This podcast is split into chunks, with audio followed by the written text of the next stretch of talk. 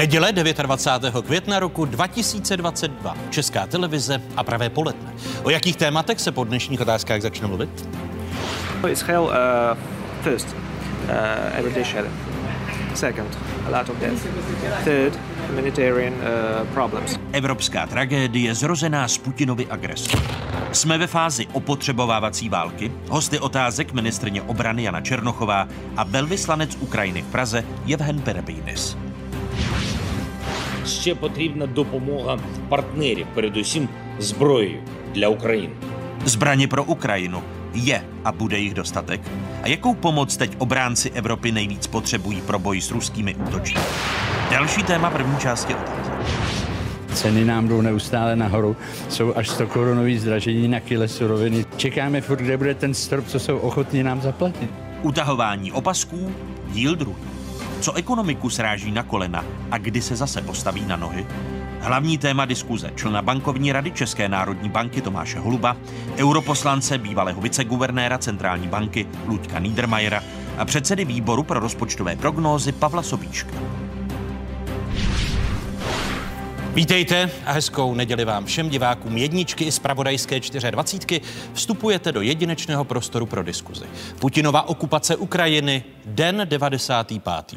Ruské jednotky ve směru na město Sloviansk v Donbaské oblasti na východě Ukrajiny ostřelují pozice ukrajinských sil a obnovili ofenzívu. Podle britské vojenské rozvědky pokračují ve snaze obklíčit Severodoněck a Lysyčansk. Nově dobili několik vsí severozápadně od města Popasna v Luhanské oblasti Donbasu. Ukrajinský prezident Volodymyr Zelenský varoval, že Rusové vymazávají města v Donbasu z povrchu zemského stejně, jako to udělali s Mariupolem. Ukrajinci nově přišli už i o město Liman. V příštím týdnu očekává, citujme, dobré zprávy ohledně dodávek zbraní ukrajinský prezident Volodymyr Zelenský. Zbraní, kterými západní země podporují Ukrajinu, vzdorující ruské agresi. Кожного дня наближаємось до того, що наша армія буде переважати окупантів технологічно і ударною силою. Звичайно, дуже багато залежить від наших партнерів, від їхньої готовності надати Україні все необхідне для захисту нашої свободи. І я очікую з цього приводу хороших новин вже наступного тижня.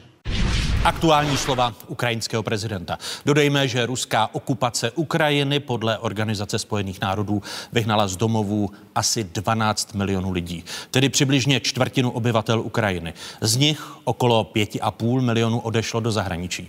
Prvními hosty dnešních otázek jsou avizovaní. Ministrně obrany České republiky Jana Černochová z ODS. Děkuji, že jste přijal mé pozvání. Hezké nedělní poledne. Krásné poledne vám i divákům České televize. A za dalším hostem míříme na velvyslanectví Ukrajiny v Praze, kde je hostem velvyslanec Jevhen Perebýnis. I vám, pane velvyslanče, přeji hezké nedělní poledne.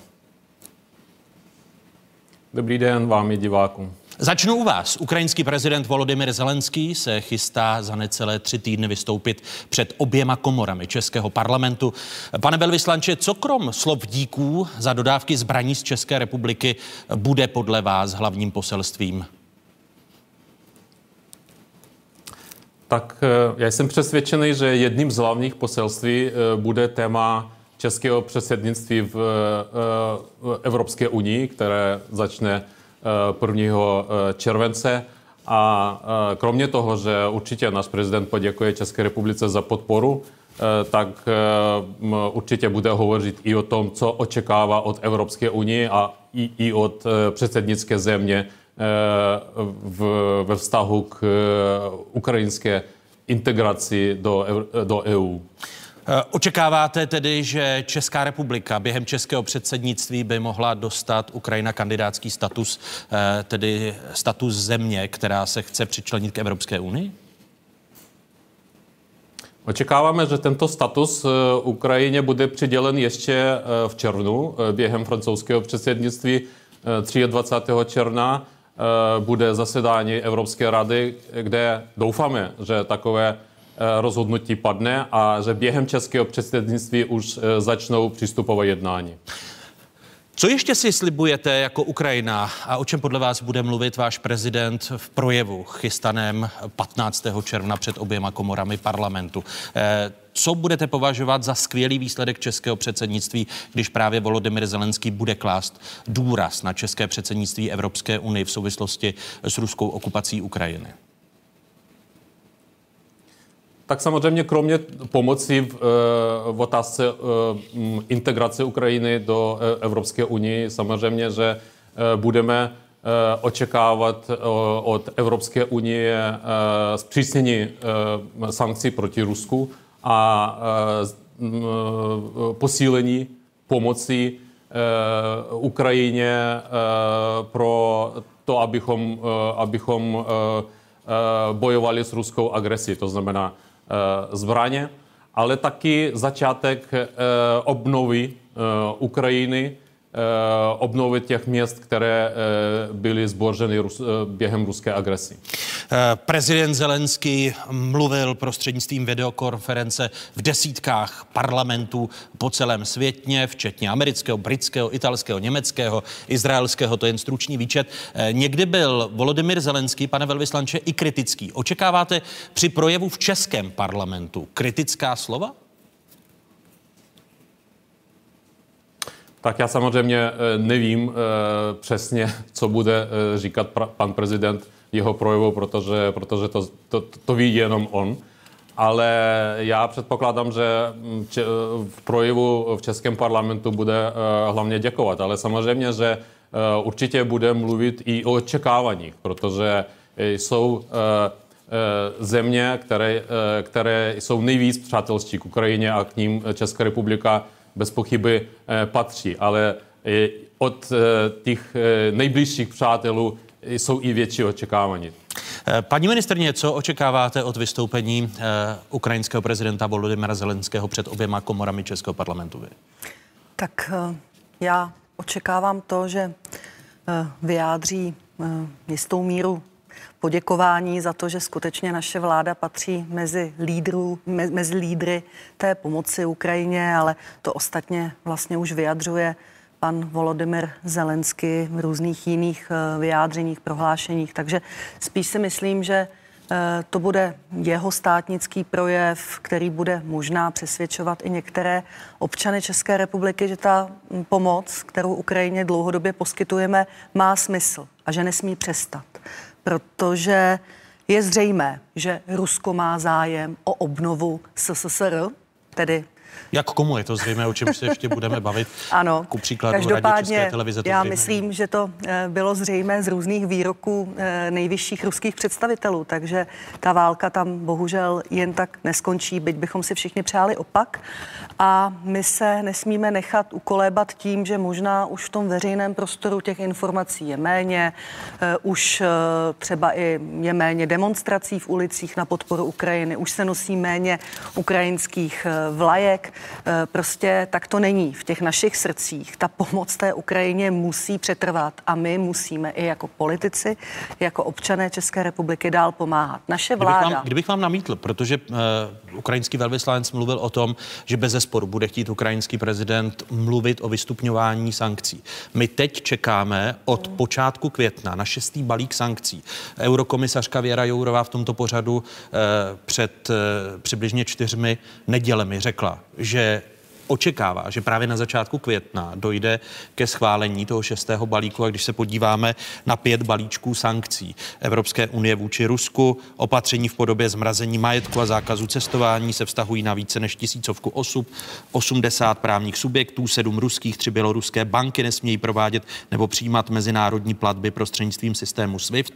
Unie odepřela všem ruským leteckým dopravcům přístup na evropská letiště a zakázala jim přelety vzdušním prostorem Unie, zakázala také dovoz dovoz ruského uhlí, který má eh, začít platit v srpnu, pozastavila vysílání zpravodajské agentury Sputnik a zpravodajské sítě Russia Today v Evropské unii tady vidíme přehled teď těch pěti balíčků. A co mělo být v šestém balíčku? Eh, zatím nedošlo ke schodě. Předsedkyně komise Ursula von der Leyenová představila 4. května onen balíček. Komise navrhuje do konce letošního roku úplně zakázat dovoz ruské ropy do Unie, odpojit od mezinárodního platebního systému SWIFT největší ruskou banku Sberbank a další dva bankovní domy. Chce také potrestat představitele ruské armády zodpovědné za zvěrstva proti civilistům v Buči a za útok na Mariupol. Trojice ruských státních televizí šířících kremelskou propagandu má mít zakázáno vysílat eh, v unijních zemích a aby sankce ten šestý balík vstoupil v platnost, musí ho jednomyslně schválit členské země. Přijetí sankcí v reakci na ruskou invazi na Ukrajinu, ale zatím blokuje Maďarsko. Neukazuje se právě ten šestý balík už tím balíkem, kdy opadává podpora Ukrajině? Tak já doufám, že ne, protože mm, vede mě k tomu i eh, vlastně eh, pořád ta nějaká jistota toho, že evropští, ale i zahraniční mimoevropští politici stále na Ukrajinu jezdí, stále jí vyjadřují podporu a tam by měla být teda nějaká přímá úměra, že čím více politiků tam přijelo, tím ta větší podpora Ukrajině by měla být a e, měly by být tedy e, stupňovány sankce i vůči Ruské federaci.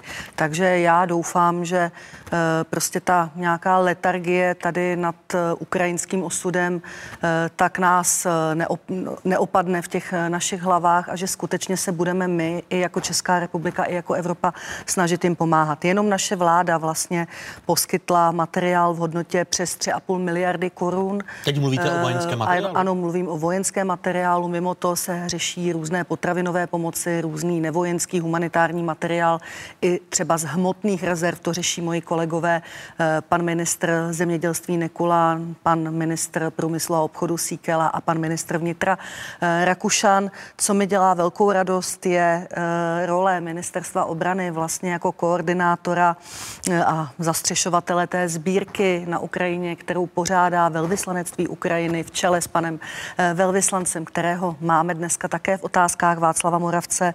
A tam už teda do sbírky bylo zapojeno více než 100 20 tisíc a nejenom občanů České republiky, ale přispívají vlastně do té sbírky i občané mimo Českou republiku.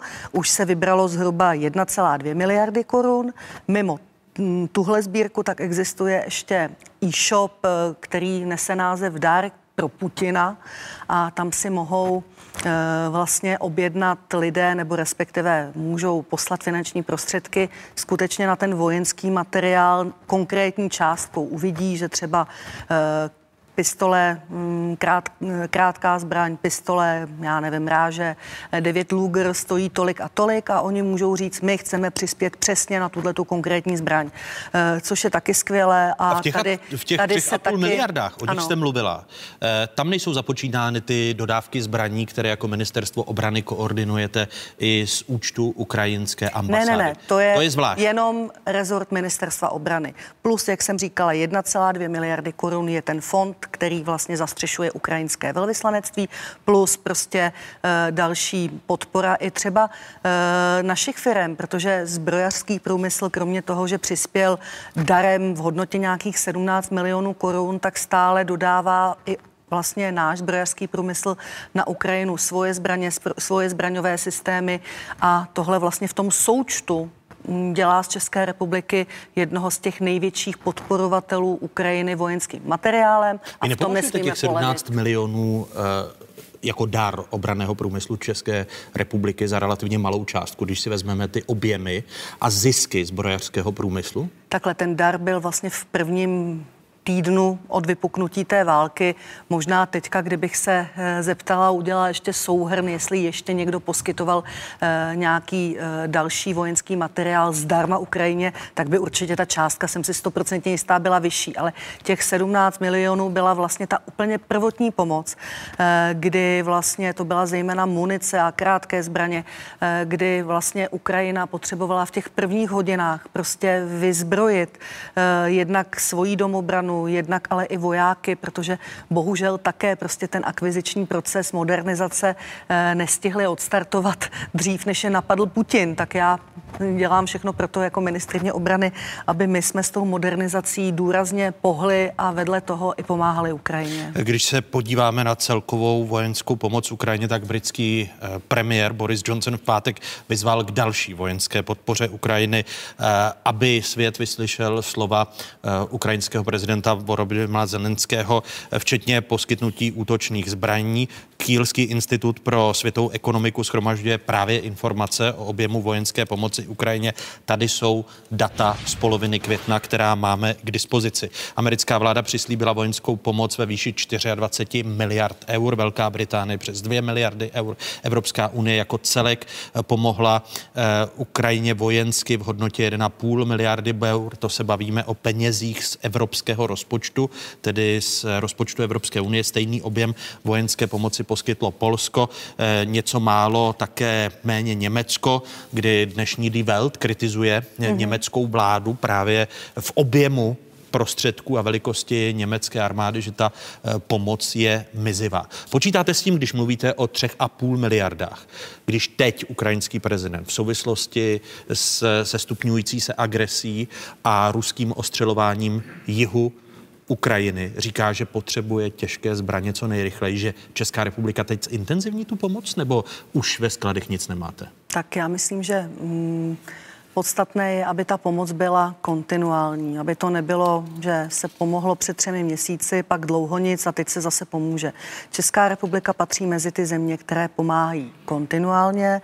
Eh, chtěla bych se i Eh, trošku zastat eh, Spolkové republiky Německo, protože Spolková republika Německo ocenila Českou republiku právě za tu její pomoc Ukrajině tím, že nám zdarma poskytne tanky Leopard té vlastně prostřední série. Eh, bude to 15 tanků, které získáme prostě v řádech měsíců a v příštím roce. A i to je přeci nějaká forma pomoci právě Ukrajině, protože s tím to, to Německo oceňuje ty země, které Ukrajině tou svojí i těžkou vojenskou technikou pomáhají.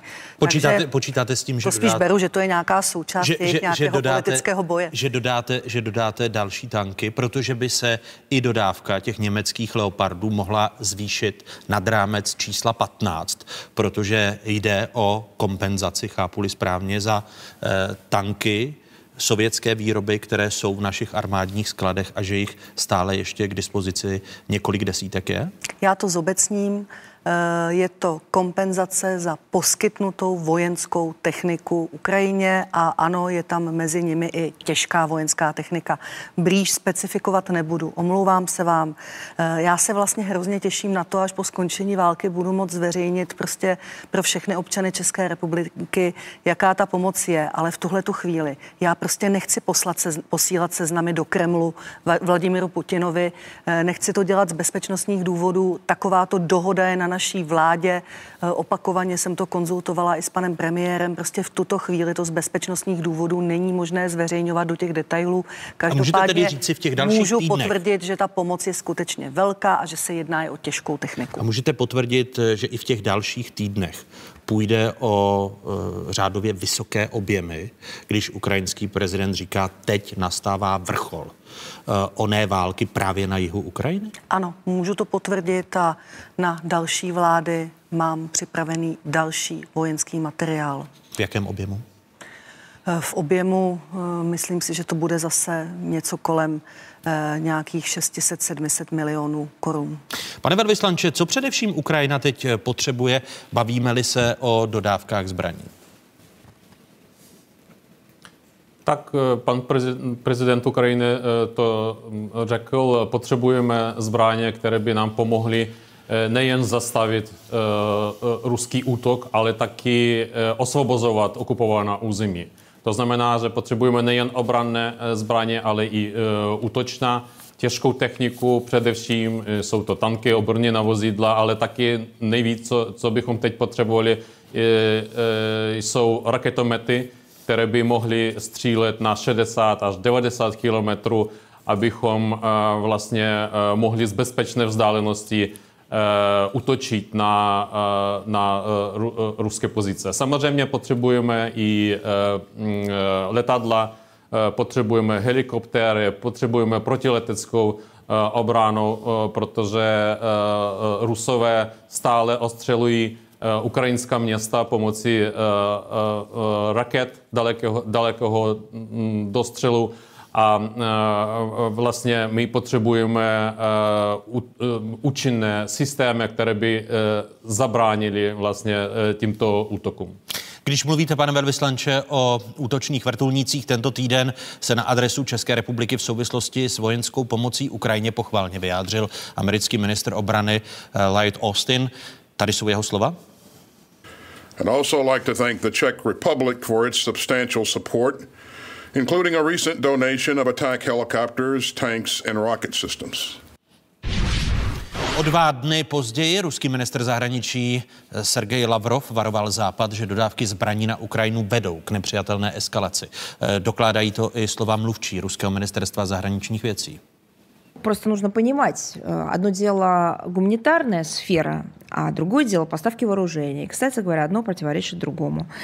Накачка Киева все новыми партиями оружия лишь подпитывает у него реваншистские настроения, создает иллюзию возможности решения проблемы в российско-украинских отношениях сугубо военным путем. Pohled ruské strany. Pane velvyslanče, nakolik jsou uh, ty ruské výhrušky, že dodávky zbraní eskalují tu situaci, nakolik jsou s přibývajícím časem ty ruské výhrušky účinné, protože ochabuje, uh, ochabují dodávky západu těch zbraní, které Ukrajina potřebuje? Tak my jsme už zvykli na uh, ruské vyhrušky. Myslím si, že bychom se neměli uh, bát uh, ruských vyhrušek, uh, protože Rusko je to země, která rozumí jenom síle. A uh, když Západ uh, projevuje jednotu a uh, silnou pozici, tak uh, uh, Rusko uh, vlastně i odpovídajícím způsobem na to reaguje. Já si myslím, že, my, že Západ by měl pokračovat v dodávkách účinných zbraňových systémů pro Ukrajinu, protože je to jediný způsob, jak bychom mohli Rusko porazit. Ukrajina má velmi zkušenou a statečnou armádu, ale my potřebujeme zbraně a je to vlastně v zájmu nejen Ukrajiny, je to v zájmu i Západu, protože teď máme možnost zastavit ruského agresora na území Ukrajiny. Zabránit tomu, aby ruský agresor šel dál třeba na hranici Evropskou unii a možná i dál. Možná ne, ne, ne, nemůžeme vylučovat, že zautočí třeba na pobaltské země nebo země střední Evropy. Já si myslím, že je to v zájmu všech, abychom Rusko porazili teď na území Ukrajiny. Je možné Rusko porazit na území Ukrajiny, když se podíváme na mapu, tak Donbas, to je území, o které se hraje nejen teď, ale od eh, samotného počátku. Na mapě diváci za pár okamžiků uvidí, jakou část Doněcké a Luhanské eh, oblasti, už to vidíme na mapách, ovládli eh, proruští separatisté před samotnou okupací, Putinovou okupací Ukrajiny.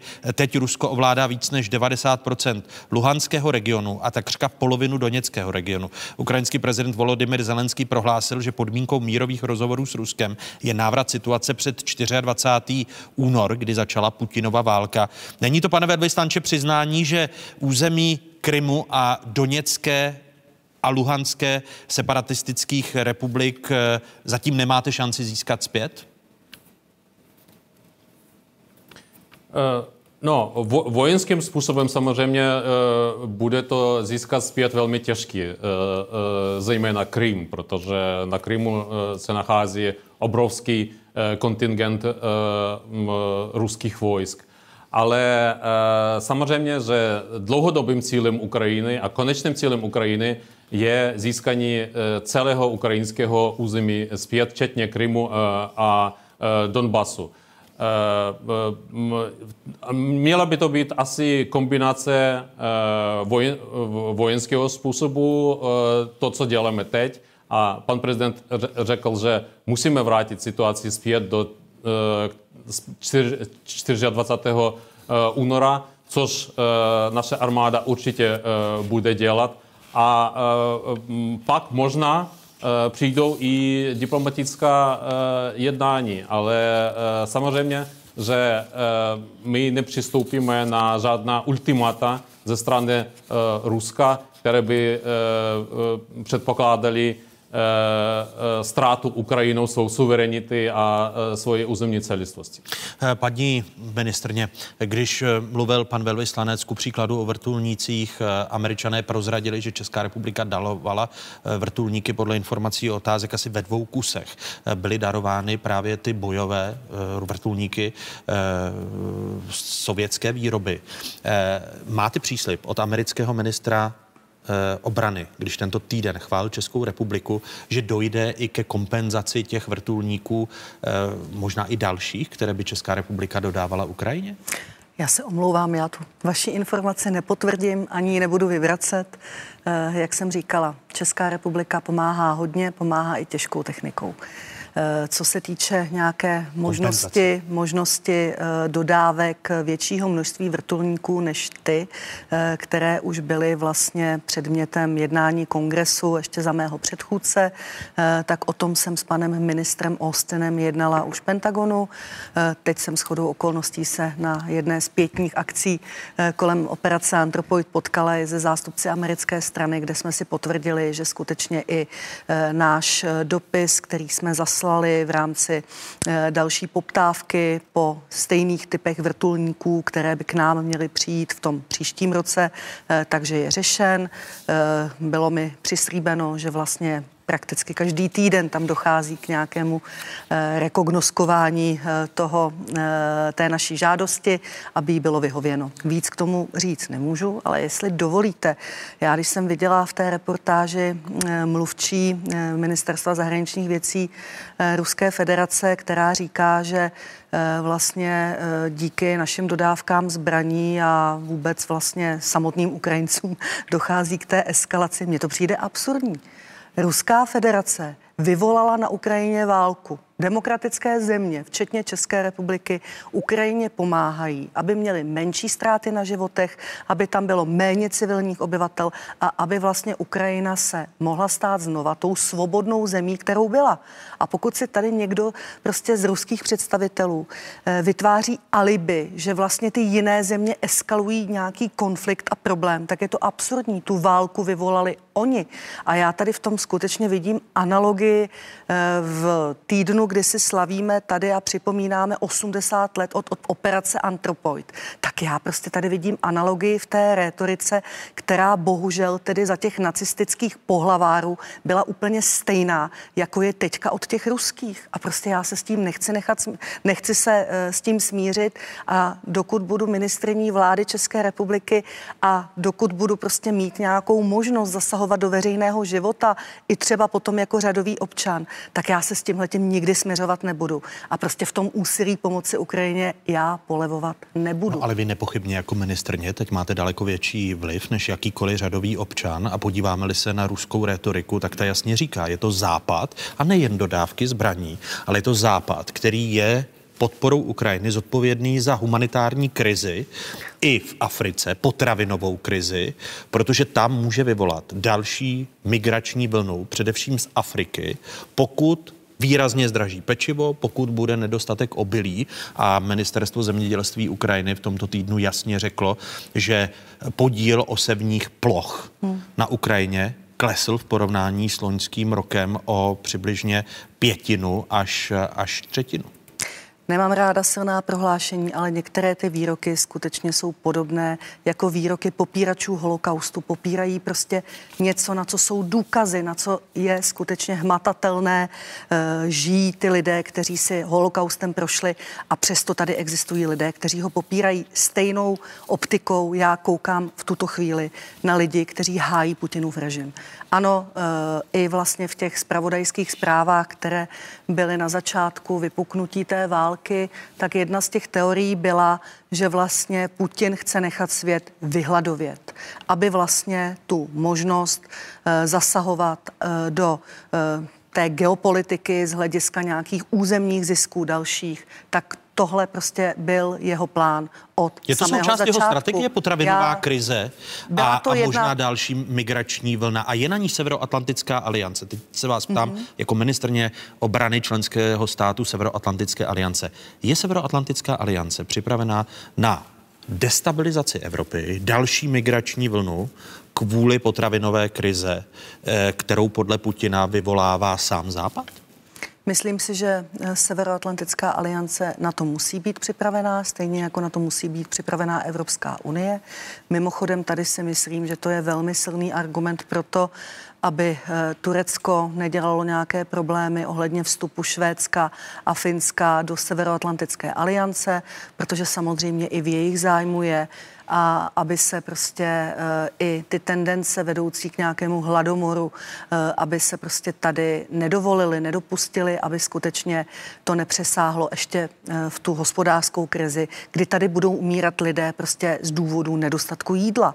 A to, že prostě Ukrajina byla obilnicí Evropy, to je fakt, to moc dobře Putin věděl a jak říkám, v těch počátečních spravodajských teoriích, proč vlastně eh, on napadl takto tímto způsobem Ukrajinu, tak je i tato teorie velice často skloňovaná a musím říct, Že chtěl dostat pro pod mě, kontrolu že pro mě to je jedno z, Evropy. jedno z nejpravděpodobnějších, eh, je- jeden z nejpravdu, nejpravděpodobnějších důvodů, protože rozhodně nějaké prostě nesmyslné výroky o denacizaci a defašizaci a o tom, že eh, tam museli zahájit speciální operaci, kdyby to nebylo tak tragické, tak je to, smut, tak je to směšné.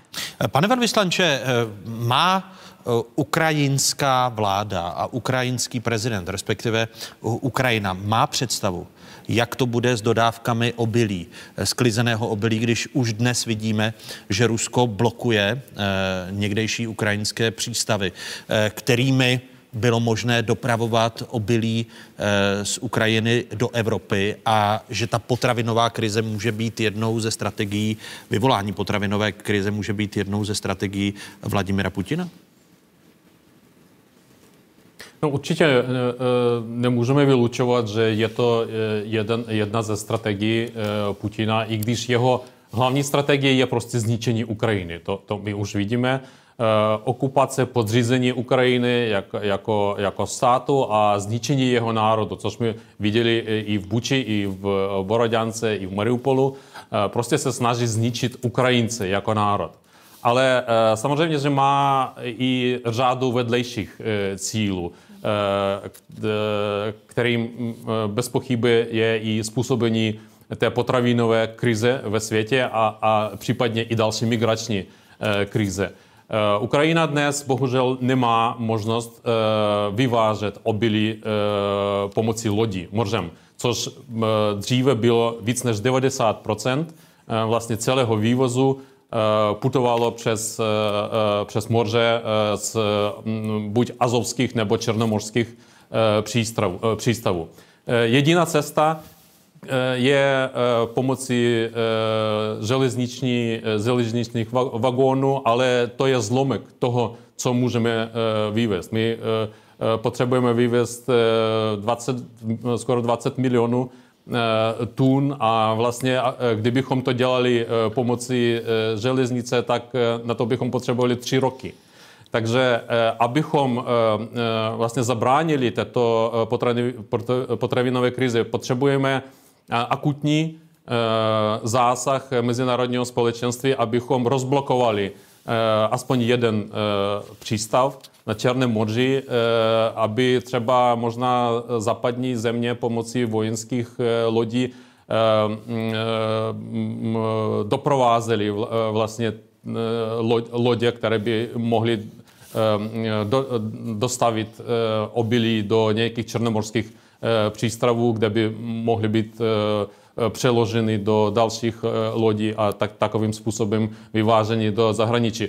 Eh, eh, Ukrajinské eh, obilí vlastně zajišťuje potravu pro víc než čty- 400 milionů lidí, hlavně v Africe a v Asii. Takže to je je a bude obrovský problém, který bychom měli řešit už teď.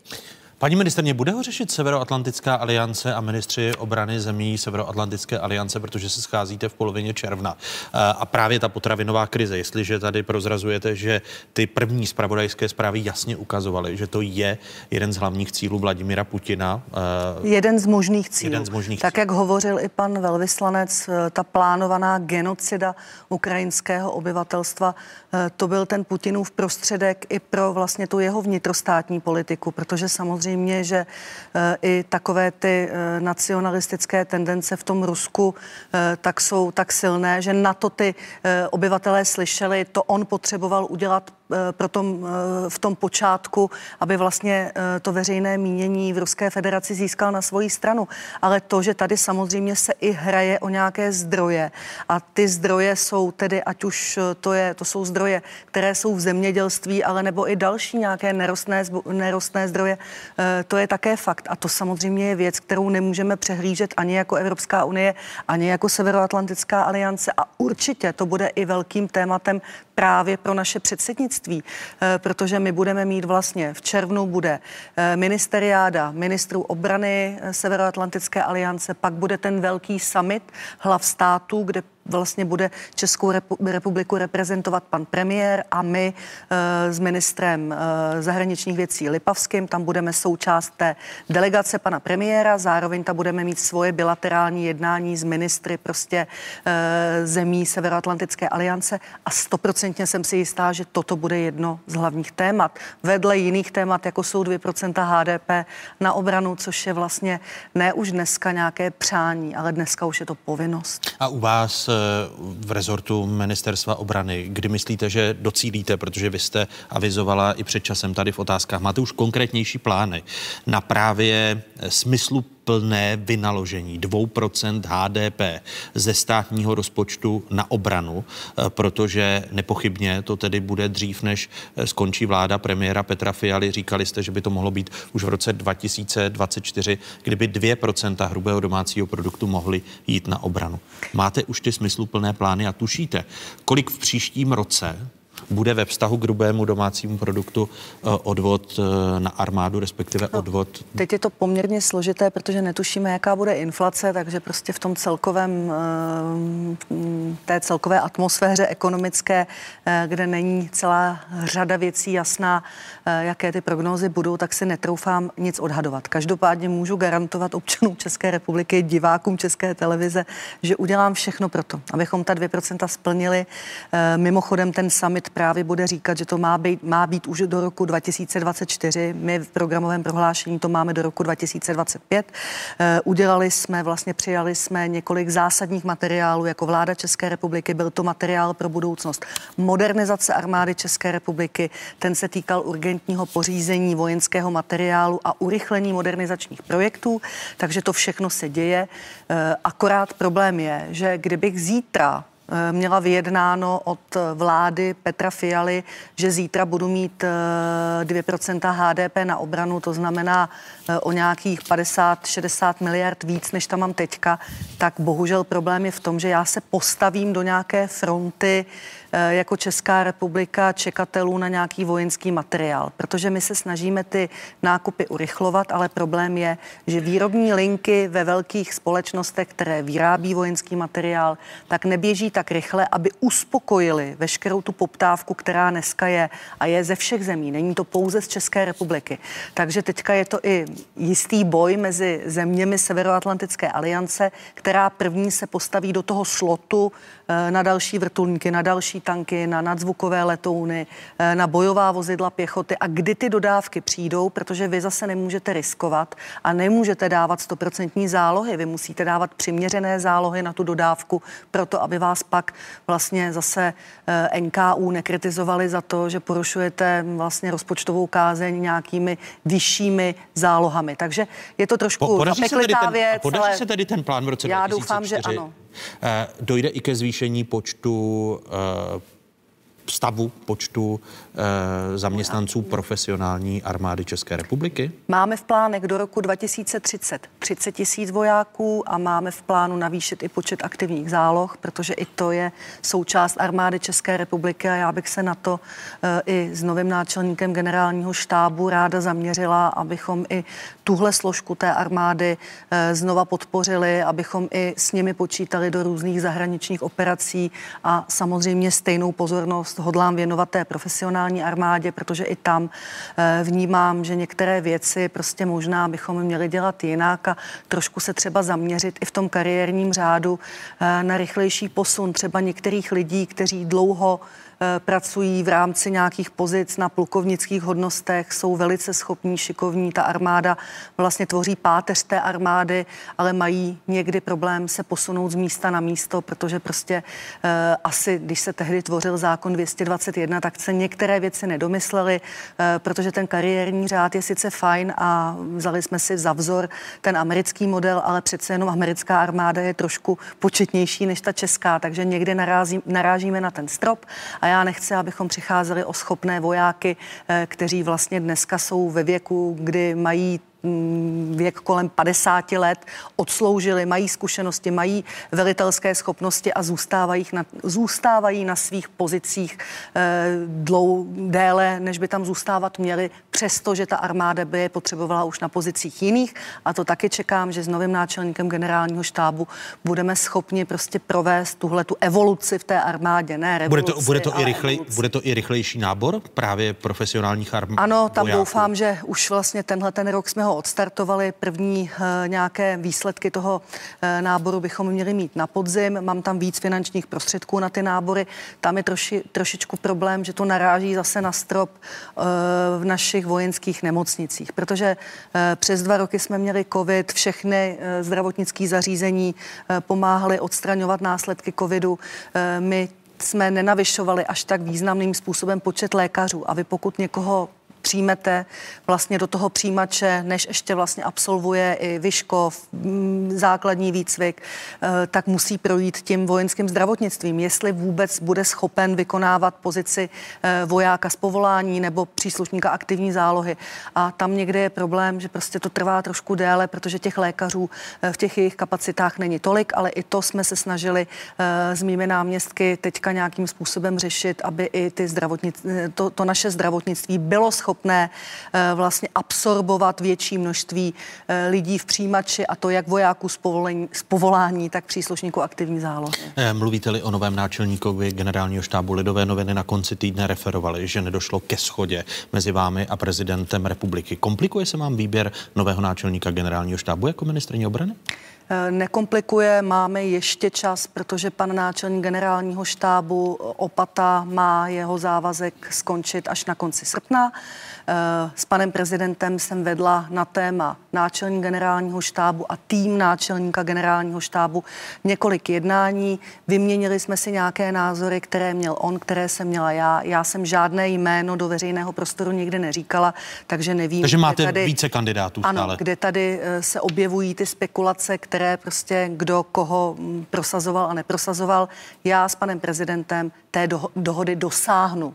To bych chtěla všechny ubezpečit, že vím, že s panem prezidentem té dohody dosáhnu a pevně věřím, a tak to mě to i pan prezident naznačoval, když jsme se viděli eh, v pátek v muzeu spolu i s paní prezidentkou Slovenské republiky Čaputovou eh, na tom pětním schromáždění a zahájení výstavy Nikdy se nevzdáme, tak tam mě pan eh, prezident ubezpečil, že ve středu dojde ke schodě a budeme mít tedy náčelníka generálního štábu v poměrně brzké době a pevně věřím, že dochováme, zachováme i tu tradici, že k tomu, k té výměně náčelníků štábu dojde, řekněme, eh, toho 30. června na Den ozbrojených sil, jako to bylo v minulosti a myslím si, že v tomto ohledu... Vaše schoda s prezidentem v tomto se tedy ohledu, Ano, v tomto ohledu já věřím slovu pana prezidenta a věřím tomu, že jsme se dohodli na tom, že to uděláme teďka vlastně ve středu v příštích několika málo dnech. Prozradíte nám to jméno? Neprozradím vám ho, prozradím vám ho příští otázky Václava Moravce, až mě pozvěte a pozvete a možná eh, doufám, že už tady třeba můžeme sedět i spolu a představit vám nějakou svoji celkovou eh, koncepci rozvoje armády České republiky, protože eh, je asi logické, že jsme si prošli vlastně i jako armáda od sametové revoluce nějakými etapami a teď možná přišla ta doba, kdy bychom měli eh, tu armádu trošku eh, dostat i do toho víc západního uh, střihu, tak abychom třeba i po vzoru některých jiných zemí, teď nechci říkat úplně omladili ten, uh, to velení té armády, protože zase tam musíte mít i ty zkušené matadory, vojáky, uh, kteří zase prostě některé ty procesy znají tak, že se nemusí koukat do těch dokumentů, ale myslím si, že vždycky prostě by to mělo být o týmu jeden náčelník generálního štábu nezmůže nic, když kolem sebe nemá tým, eh, se kterým by souzněl, se kterým prostě má jasnou vizi, kterou dá pro budoucnost armády České republiky i v souvislosti se situací na Ukrajině, i v souvislosti s modernizací armády. Tam bude skutečně potřeba, aby ten člověk měl vize, měl představy a měl autoritu aby tu armádu posunul dál. Poslední otázka na ukrajinského velvyslance Jevhena Peribejnise, který je s námi stále ve spojení a týká se toho, o čem už mluvila eh, ministrně obrany Jana Černochová. Eh, opakovaně jsem v tomto pořadu od 24. února mluvil o tom, že politikou ruského prezidenta Vladimíra Putina i Ruska jako takového je obnova Sovětského svazu, což potvrzuje ku příkladu porušování budapeštského memoranda, které je tady před námou ze strany Ruska. Připomeňme, že po rozpadu Sovětského svazu Ruská federace uznala nezávislost bývalých svazových republik a v budapeštském memorandu, eh, které diváci za pár okamžiků uvidí, v roce 1994 se Moskva výslovně eh, zavázala respektovat Kazachstán, Bělorusko, Ukrajinu v existujících hranicích a zdržet se použití síly, ale i ekonomického politického nátlaku. Za pár let následovala rusko-gruzínská válka a agrese, Putinova agrese vůči Gruzii, umístění střel Iskander Iskander schopných nést jaderné hlavice do Kaliningradu, porušení citovaného memoranda v podobě anexe Krymu, dále angažmá ruských jednotek Kazachstánu, vstupy do Běloruska, uznání Doněcké, Luhanské republiky a v zápětí eh, Putinova okupace Ukrajiny. Eh, vedle toho tu máme zamrzlý konflikt v Podněstří, který blokuje vstup Moldavska do evropských struktur či do NATO. Ve stejné situaci je teď Gruzie s Jižní Osetí a Abchází. Moskva eh, je dále takzvaným garantem bezpečnosti bezpečnosti v napjatých vztazích mezi Arménií a Azerbajdžánem a stále vojenské základy má Rusko v Kyrgyzstánu a v Tádžikistánu. Eh, v politické a ekonomické rovině se pak Rusko snaží rozšířit za řady takzvané Euroazijské ekonomické unie, založené v roce 2014 a zahrnující nyní včetně Ruska celkem pět postsovětských republik. Eh, v souvislosti s okupací, Putinovou okupací Ukrajiny vydala RIA Novosti, kremelská tisková agentura, nastuplěně rasí v Novovo Goda i Novovo Míra, eh, tedy text, který popisuje o tom, že Rusové chtějí obnovit eh, hranice někdejšího Sovětského svazu. Nemluvě o eh, bývalém ruském prezidentovi, místo předsedovi Bezpečnostní rady Dmitry Medveděvovi, který prohlásil, že od Lisabonu po Vladivostok je vybudování otevřené Euroazie a to napsal Dmitry Medveděv 6.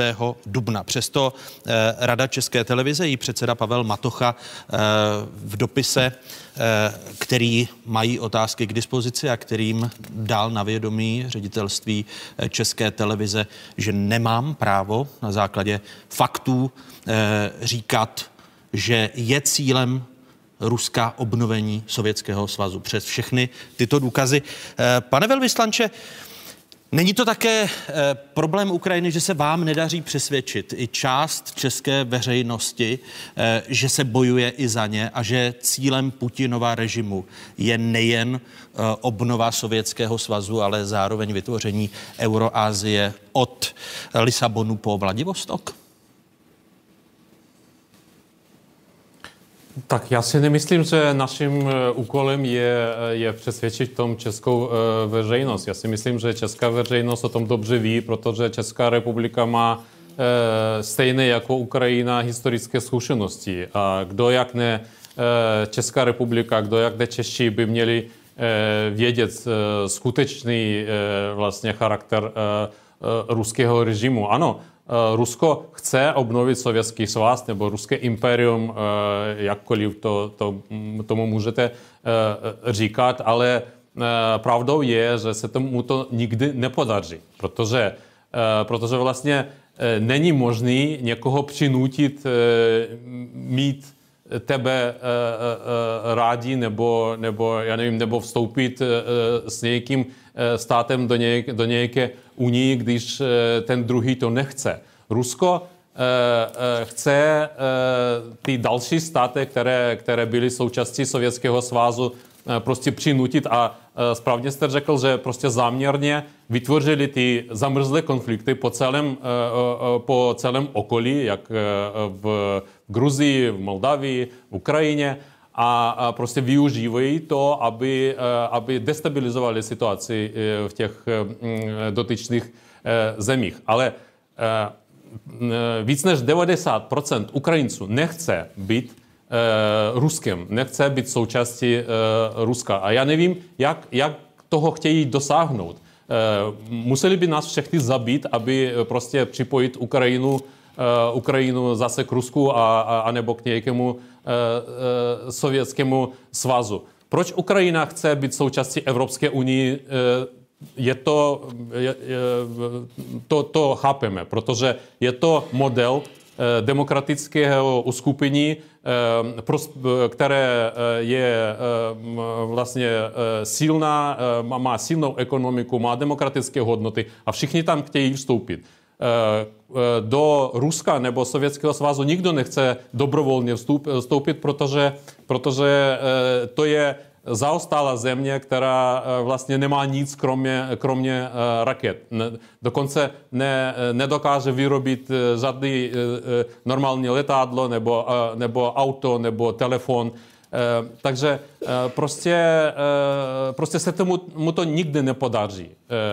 Já jsem v tom přesvědčen. Říká Jevhen Perbinis, ukrajinský velvyslanec v Praze. Děkuji vám za váš čas, pane velvyslanče, a těším se na další setkání v otázkách. Děkuji za pozvání. Paní ministrně, v souvislosti s tím, že vy jste se také dopustila toho výroku, že cílem Ruska, přes všechny ty důkazy víme, že to je cílem ano. Ruska, obnova Sovětského svazu a vezmeme-li vážně slova Dmitry Medvěděva jako ruského ex-prezidenta, dokonce Euroázie od Lisabonu až po Vladivostok.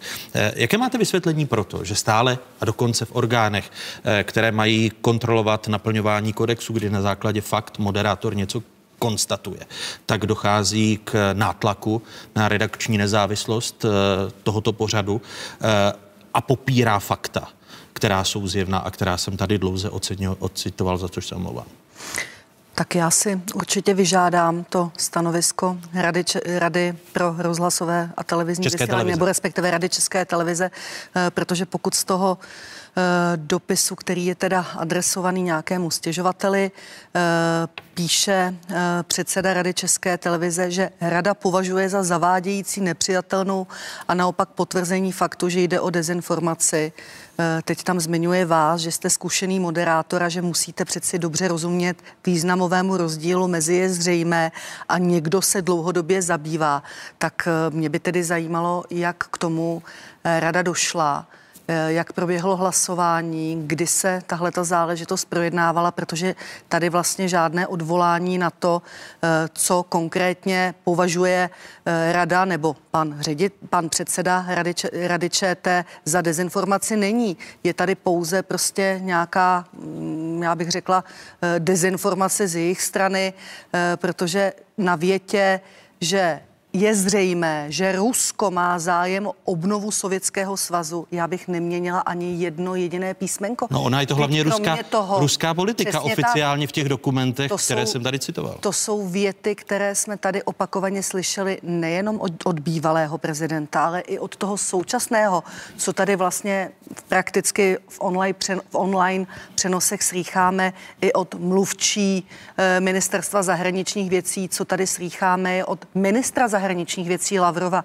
Takže tady skutečně si myslím, že vůbec není sporu o tom, že vy v rámci médií veřejné služby tady říkáte to, co se prostě v tom veřejném prostoru říká a říkají to oficiální představitelé té země. To jste si nevymyslel někde na nějakém dark eh, webu, ale to jste prostě slyšel z úst oficiálních představitelů Ruské federace. Přijde mi to absurdní, podívám se na to, prověřím to, požádám i kolegy, eh, kteří sedí v tom volebním výboru, aby mě k tomu eh, dodali nějaké informace, protože skutečně tohle mně přijde zcela bezprecedentní zásah tady do nějaké nezávislosti veřejnoprávní televize. Děkuji Děkuji ministrině obrany eh, Janě Černochové, že přijala mé pozvání a těším se na další rozhovory. Hezký zbytek neděle. Také děkuji a hezký zbytek dne. Na viděnou, naslyšenou. Za okamžik velká ekonomická debata. Proč se vše zdražuje a proč právě v Česku víc než jinde eh, ve světě? Člen bankovní rady Centrální banky Tomáš Holub, bývalý viceguvernér Centrální banky Luděk Niedermayer a předseda výboru pro rozpočtové prognózy Pavel Sobíček. Za pár okamžiků tady v otázkách. Ceny v Česku rostou nejrychleji za posledních 30 let. Inflace v dubnu přesáhla 14% Mohou za to především prudce se zvyšující náklady na bydlení, ceny v prodejnách potravin i u stojanů čerpacích stanic. A rekordní zdražování má ještě pokračovat. My pomáháme eh, těm, kteří se dostávají do ekonomických potíží. Samozřejmě důležité je skrotit tu inflaci. Proto jsme také připravili protiinflační rozpočet. Vláda přišla s řadou opatření. Od 1. června bude nižší spotřební daň na benzin a naftu a už dříve částečně zrušila silniční daň, zvýšila životní a existenční minimum a zvýšila a rozšířila příspěvek na bydlení. Ale na pětitisícový příspěvek si rodiny s dětmi zatím počkají. Návrh zákona vláda ve středu o týden odložila. Je to krok správným směrem, ale pomoc je to pomalá a nedostatečná, protože to je jakýsi první náznak plošné pomoci, ale samozřejmě eh, s velkým množstvím nespravedlností. Své jisté mají ze zákona i seniori. quality. Penze se jim letos zvedají celkem třikrát. Od ledna při běžné valorizaci kvůli vysoké inflaci se mimořádně zvýší i od června a od září. Naopak na vyšších platech ve veřejné sféře se odbory s vládou zatím nedohodly.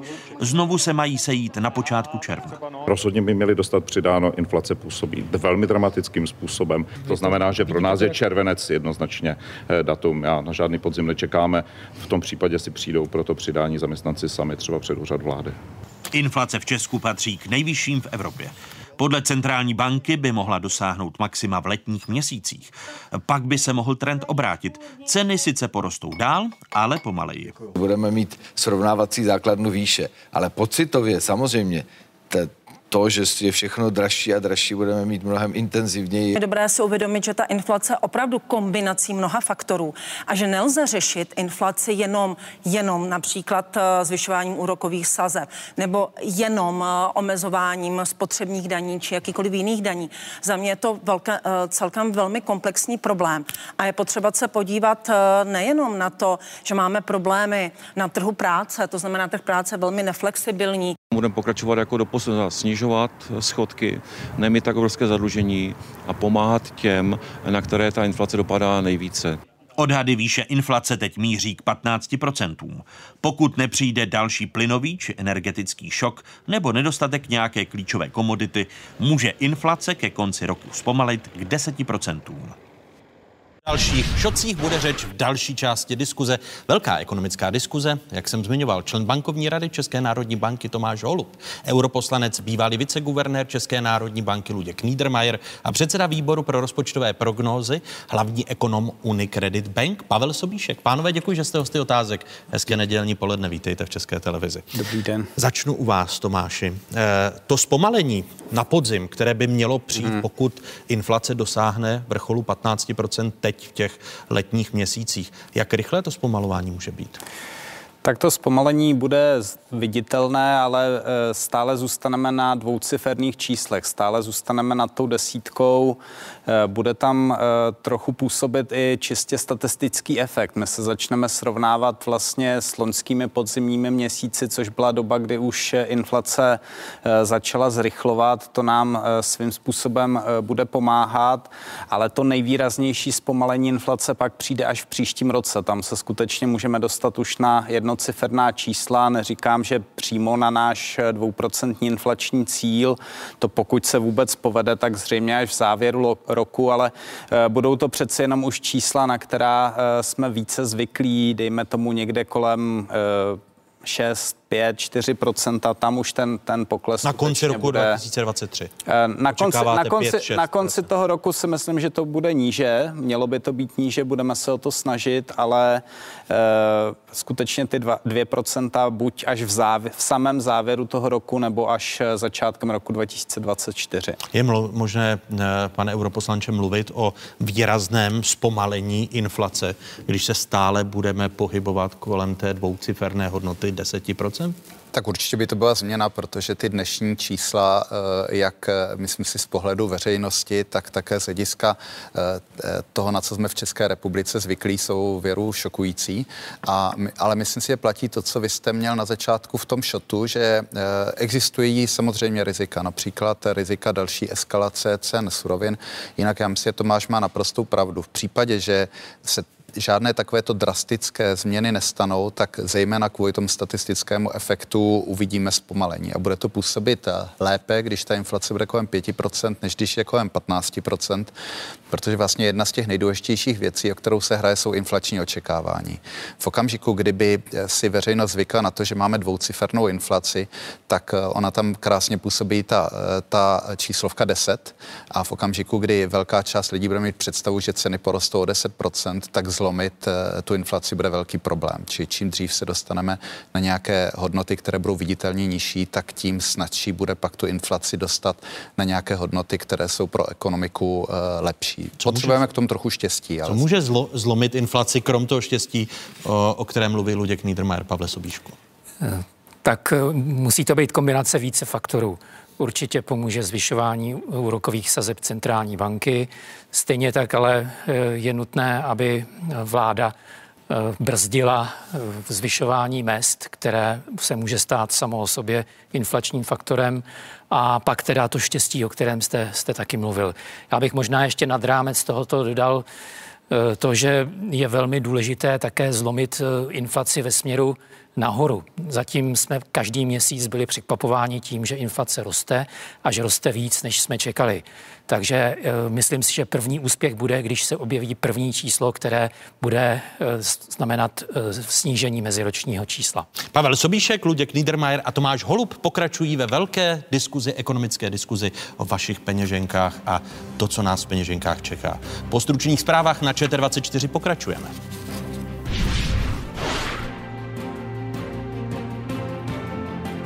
Život na dluh. Dříve ostuda, dnes nutnost. Nebo snad ne? Co je na dluhu špatného a co je na něm dobrého? Sledujte Fokus Václava Moravce, tentokrát na téma Život na dluh. Pozvání přijali mimo jiné hospodářská historička Antonie Doležalová, dluhový expert Daniel Hůle a ekonomové Eva Zamrazilová, Ladislav Krištoufek a Mojmír Hampel. Přímý přenos z nové budovy Národního muzea v úterý 31. května po 20. hodině na 24.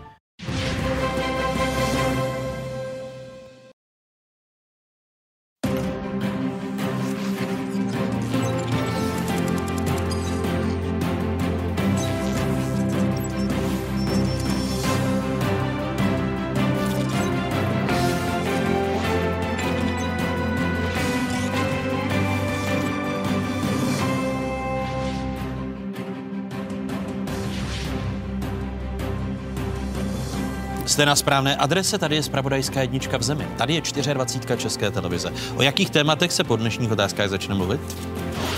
Už tak jako rozvažuju, no. Víc, co koupit, co ne. Kolik dírek má český ekonomický opasek a bude ještě kam utahovat? Pokračování diskuze člena bankovní rady České národní banky Tomáše Holuba, europoslance bývalého viceguvernéra centrální banky Ludka Niedermayera a předsedy výboru pro rozpočtové prognózy Pavla Sobíčka. Určitě jsem omezila nákupy některých výrobků, třeba i v souvislosti s dovolenou. Jakou hodnotu má česká koruna a kde se zastaví inflace? I o tom v další části otázek. Ještě jednou hezké nedělní odpoledne vám všem divákům z Pravodajské 24, kteří zůstáváte v jedinečném prostoru pro diskuzi. Začněme u slov, eh, kterými Pavel Sobíšek ukončil první hodinu otázek, tedy o překvapování inflace eh, v těch pravidelných měsíčních výškách, které eh, zaskakují analytiky i centrální banku. Zlomí se to teď? Otázka je, co znamenáte teď. Eh, myslím si, že při nejmenším ještě za květen a červen uvidíme inflaci výš, než byla v dubnu. Eh, někdo to může považovat za překvapení. Eh, já osobně s tím počítám, takže bych tím překvapen nebyl. Ale dejme tomu v červenci si myslím, že můžeme, můžeme vidět první číslo, které bude nižší než ten předchozí měsíc. A to, to může být ten okamžik, který já bych považoval za zlom. E, souvisí to s tím, že očekáváte, že stropu dosáhnou eh, komodity, především e, energie? Určitě vliv energií do inflace je vysoký a měl by časem mírnit. Stejně tak ale může docházet k tomu statistickému efektu, o kterém mluvil Tomáš. To znamená, právě od července se letošní ceny začnou srovnávat s loňskými, které už se o něco zvedaly. Eh, jaký bude ten strop eh, toho čísla, eh, té nejvyšší inflace, dejme tomu v červnu, jestliže Pavel Sobíšek hmm. mluví o tom, že červen by nás ještě mohl nepříjemně překvapit, protože dojde k dalšímu zvýšení inflace? Tak já už se skoro bojím takovéto stropy říkat. Možná vám připomenu, pane redaktore, když jsem tady byl naposledy, tak jsem říkal, že inflace skoro jistě přeleze 7% a tehdy vy jste to považoval za šokující zvěst a když se mě snažil Tomáš Prouza trumfnout, tak říkal, že to přeleze osmičku.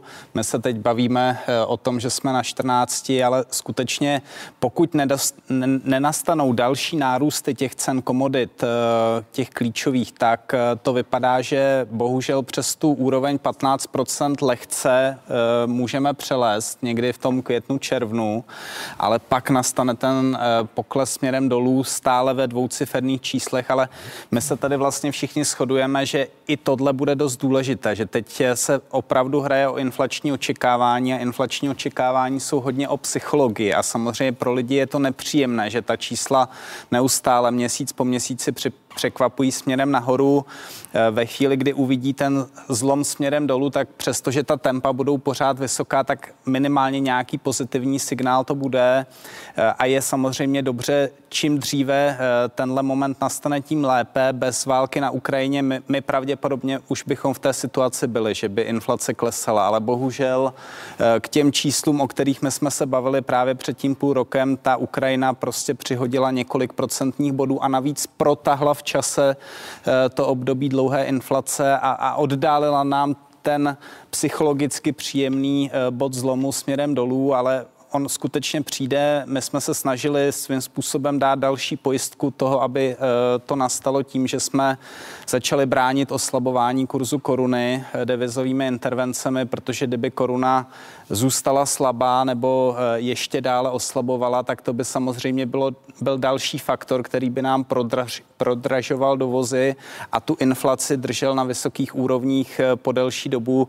My jsme se tomu chtěli vyhnout, takže to je i jeden z těch smyslů toho našeho eh, nedávného, ne úplně standardního, ale naprosto logického opatření. Vy jste, vy jste už, už zmínil tu srovnávací základnu, která, a Pavel říkal, v, čer, v červenci to začne, kdy ta srovnávací srovnávací základna meziroční inflace bude pomáhat e, nižším e, inflačním hodnotám, ale zároveň jsme i s ukrajinským velvyslancem se tady bavili o tom mnějším šoku, který se může týkat potravinové krize a nárůstu cen potravin, pokud se nepodaří nějakým způsobem dostat e, obilí e, z Ukrajiny a částečně i z Ruska do Evropy, do Afriky a, a podobně.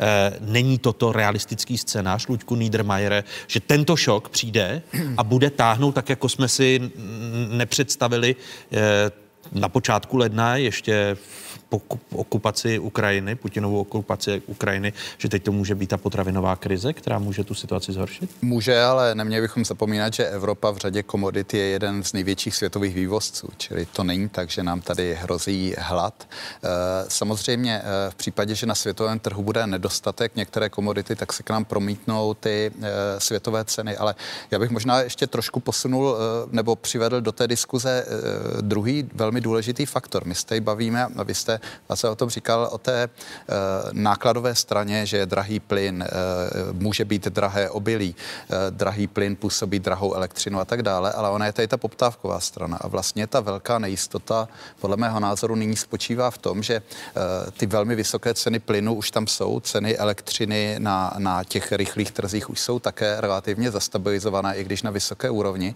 ale teďka se to začíná všechno promítat do ostatních cen. A tam, eh, tam sehrává zásadní roli ta poptávka. Já bych tady zmínil jenom příklad. Eh, hospodářské noviny nedávno uveřejnili takové rozpitvání těch nejvě, nejvyšších faktorů, eh, třeba které souvisí s bydlením. Mě tam zaujalo, že tuším ceny malířských prací se zvýšily o 29 tak jak k, něm, k něčemu takovému dojde? Tak asi to nebude zdražení e, té, barvy. barvy, asi to nebude zdražení těch štětek, ale samozřejmě ten člověk se na to podívá a říká, tak já tam jezdím za tím klientem autem a díky benzínu prostě je to dražší. Třeba se mi to auto začíná rozpadat, když se podívám do ceníku automobilek, vidím, že ty auta, e, auta jsou dražší a nakonec zjistí, že tam má pořadník na dalšího půl roku, eh, každý týden, že má dost práce a v tu chvíli prostě najednou najednou je z té ceny růst 29%. Čili eh, já vím, že je to strašně těžká diskuze, ale pokud bude vysoká poptávka a z určitého politického a taky makroekonomického hlediska není úplně žádoucí, aby došlo k drastickému propadu poptávky, ale pokud se podaří tu poptávku zastabilizovat, tak samozřejmě ty nákladové faktory nám do těch, eh, do těch eh, cen se projeví i tam, kde přímo nepůsobí. A těch případů, kdy prostě možná eh, v té dané profesi, v tom daném zboží bude, budou nějaká procenta způsobená navýšení cen energie, eh, čipovou krizí, eh, kdo ví čím, prostě zhoršením dodávek z Číny a tak dále.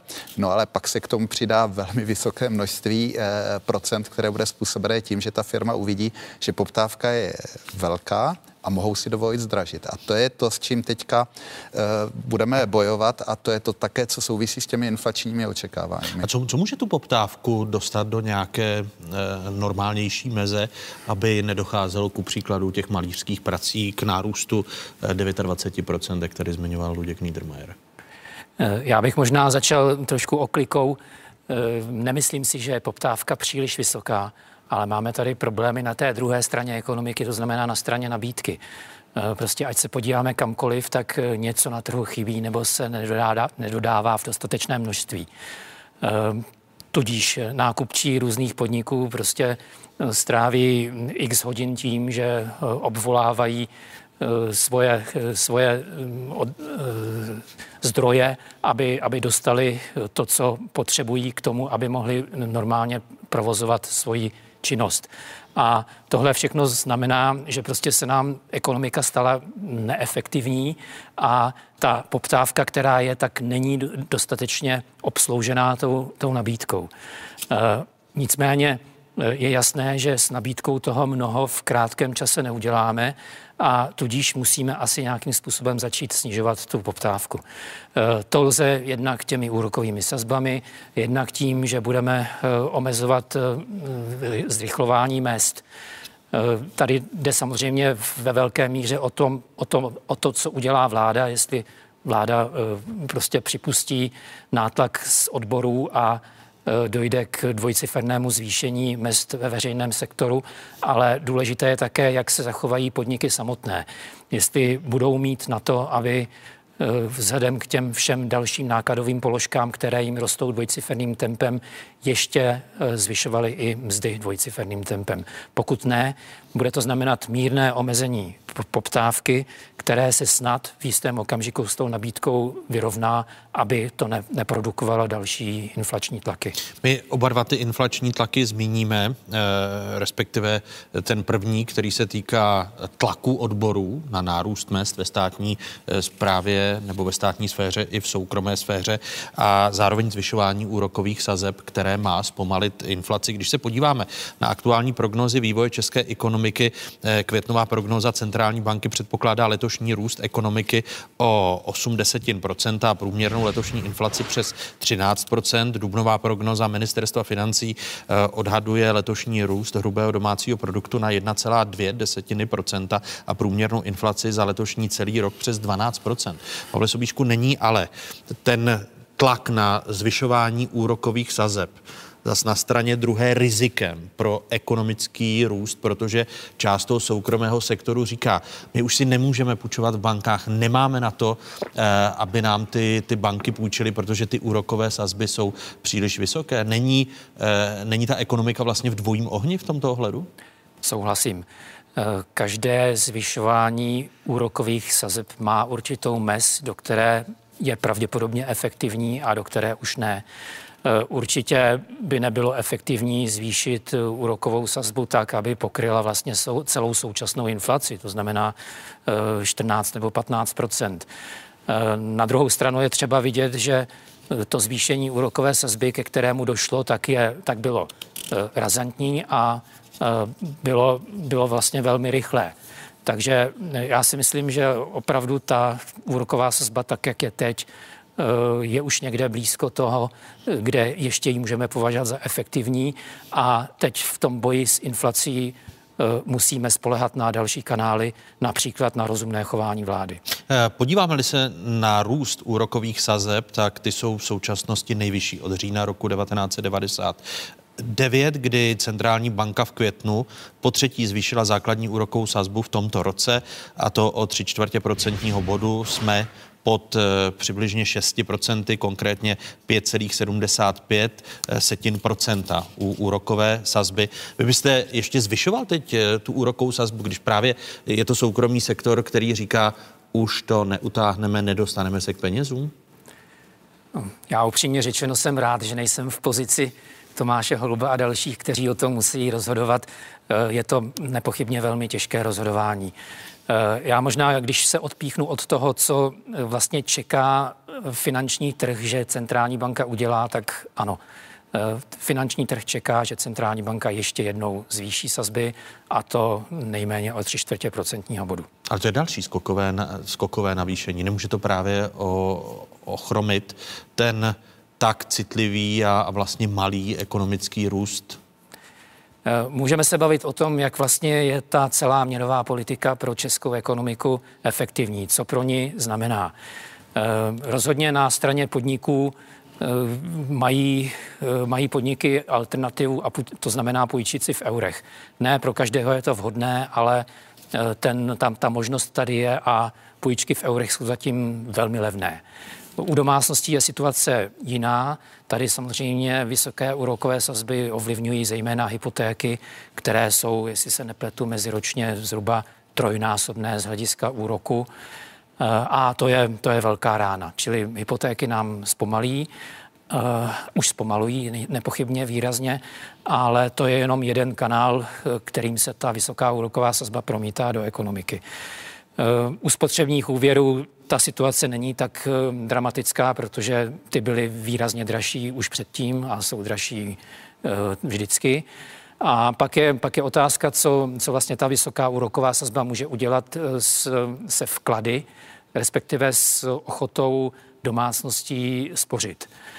Zatím rozhodně nejsme v situaci, že by si domácnosti řekli, tak já radši ten předmět, který bych si koupil, tak si nekoupím a uložím peníze na Eh, na nějaký, eh, na, nějaký, eh, na, na nějaké depozitum, termínovaný vklad, protože si myslím, že do roka, do dne Eh, to zboží vlastně koupím levněji s, s tím úrokem, který dostanu z toho depozita. Abychom se dostali do této situace, tak by zřejmě ta úroková sazba musela vyskočit ještě mnohem výš a to si myslím, že by efektivní nebylo. Jenom stručná podotázka 6,5%. Základní úroková sazba, kterou vy očekáváte eh, ještě v teď po tom e, zasedání, posledním zasedání centrální banky, než dojde k výměně guvernéra. Hraje to v tom nějakou roli zvýšení o 75 e, bazických bodů? E, to, že právě nový guvernér říká, že on bude chtít e, sazby zastropovávat, respektive, že už nebude pod jeho vedením, aby chtít, aby centrální banka takto razantně zvyšovala úrokové sazby. Doufám, že to velkou roli nehraje, ale přeci jenom možná ten výchozí bod, ve kterém nový guvernér převezme otěže, tak pro něj bude výhodný, výhodnější s úrokovou sazbou 6,5%. Pokud říká, eh, nechci zvyšovat úrokové sazby, jistě je větší šance, že nebude muset zvyšovat z, z úrovně 6,5, než, než kdyby sazba byla 5,75. Když tu otázku položím Tomáši Holubovi, protože pro něj to asi bude nejvíce nepříjemné. Luďku Niedermayere, 6,5% základní úroková sazba. Nemůže být pak centrální banka obvinována z toho, že podsekla eh, ten malý ekonomický růst, který se očekává v letošním roce právě razantní politikou úrokových sazeb? Eh, já myslím, že musíte uvědomit všechny dimenze toho rozhodování centrální banky a ono to není tak, že když eh, centrální banka zvýší úrokové sazby, že přijme rozhodnutí, ono je také rozhodnutí nezvýšit úrokové sazby. Před chvílí jste tady mluvil o vkladech. Eh, ty úroky na vklady přece jenom ovlivňují trochu chování lidí a také samozřejmě ta eroze té hodnoty těch vkladů ovlivní budoucí poptávku, čili to není tak, že nezvýšení úrokových sazeb je něco dobré pro ekonomiku a zvýšení je něco špatné. To tak vůbec není. Každé to rozhodnutí má nějaké důsledky a já hlavně považuji za velmi nebezpečné říkat, že vím, co udělám v srpnu. Eh, myslím si, že centrální banka v tady této komplikované situaci musí neustále eh, se dívat na tu ekonomiku, neustále zvažovat, zda ta prognóza opravdu zachycuje ten nejlepší odhad očekávaného vývoje. A podle toho doufám, že ti analytici ČNB, kteří patří určitě k eh, jedním z nejlepších, možná dokonce na světě, navrhnou rozhodnutí, které obvykle bankovní rada respektuje a to je to nejlepší, co by centrální banka měla dělat, protože... Tím narážíte na slova nového guvernéra, že nepovažujete za moudré, když on říká, já chci, aby zůstaly eh, úrokové sazby stabilizované a pod mým vedením budu tlačit na to, aby se v letních měsících už úrokové sazby eh, nezvyšovaly, aby zůstaly zastropovány na těch 6,5%. Já mám názor a ono to nevždycky koliduje s tím, kam se to centrální bankovnictví v posledních letech posunulo, ale já myslím, že centrální banka vždy má hledat nejlepší řešení pro tu situaci tak, jak ji vidí. A ne předem slibovat, že toto udělá, či toto neudělá. A zvláště v té dnešní situaci. Bavili jsme se o tom, jak nebezpečné by mohlo být zafixování vysokých inflačních očekávání. Podle mého názoru je třeba nechat všechny dveře eh, otevřené. A už také proto, jak už jsem říkal, každé to rozhodnutí má některé klady a některé zápory. Není to tak, že jedno z nich je bezpečné a druhé je nebezpečné. Tomáš Holube? Já souhlasím s tím, co tady kolegové říkali. Samozřejmě vyšší eh, úrokové sazby prostě ochlazují poptávku v ekonomice. Jo? To, eh, a tím zpomalují růst. Na druhou stranu, jak říkal Pavel Sobíšek, my tady vlastně máme poptávku, která nebýt asi covidu, nebýt války na Ukrajině, tak byla tak nějak přiměřená, ale bohužel se střetává s ekonomikou, která má různé zádrhele. To soukolí prostě, ten motor je jakoby částečně zadřený a nestíhá vyrábět a v téhle situaci, pokud chceme bojovat s tou vysokou inflací, tak eh, v podstatě jiná cesta, než eh, ochlazovat poptávku nějakým rozumným způsobem, nějakou kombinací přísnější měnové i rozpočtové politiky, žádná jakoby bezbolesná cesta není. Eh, takže já předpokládám, že v, sám za sebe, že v červnu podpořím další zvýšení úrokových sazeb zhruba v tom rozsahu, co očekává finanční trh. To Těch 75 bazických bodů? To si myslím, že je eh, reálná predikce tržní, která Zároveň zohledňuje to, že ten trh ví, jaké jsou naše makroekonomické prognózy, kde asi by eh, naše odborná prognóza eh, viděla tu přiměřenou úroveň úrokových sazeb, která by nás vracela dostatečně rychle s inflací na nízká čísla. Byť, byť nehlídáte stav ekonomiky, teď myslím, jestli ekonomika výrazně zpomalí, když se nebudou moci firmy dostat k penězům, protože ještě se no. dostaneme no. k, i k argumentu úvěr, úvěrů v eurech, ke kterým se mohou české firmy dostat s nás, než u úvěru v korunách. Ona zpomalí, ale ten primární prostě důvod je, je Putin. Jo? To není prostě, nejsou naše úrokové sazby. Eh, ten primární důvod jsou nějaké ještě poruchy globální ekonomiky, které jsme se zdědili z covidové doby, doby. My samozřejmě můžeme to zpomalení ještě trochu jakoby zvýraznit v řádech eh, desetinek procentního bodu, ale snaha jakoby se této bolesti vyhnout, eh, by nás mohla přijít dlouhodobě hrozně draho, protože pokud by se tady ta dlouho, vysoká dvouciferná inflace zabudovala do očekávání a všichni chtěli vlastně vynahradit vyšším růstem mest, Eh, oslabujícím kurzem koruny a podobně, tak, tak jsme v takové té spirále, která se dá vlastně uh, utnout uh, jenom hlubokou recesí ekonomiky. My se pořád bavíme o tom, že centrální banka možná přispěje k tomu, že jeden rok bude ekonomika víceméně stagnovat. Ve váleč... Nebo k mírné recesi. Ne. Zkrátka, že, že, že bude centrální banka pak obvinována. Podívejte se, oni razantně zvyšovali úrokové sazby, přispěli k recesi v roce 2022, možná v roce 2023? My momentálně se nebavíme o hluboké recesi. Jo? Měl jste tady výčet těch prognóz, naše je vlastně Eh, nejvíce pesimistická s tím, že čekáme za letošní rok zvýšení ekonomiky o 80% bodu. Ty jiné prognózy jsou ve směs lehce optimističtější.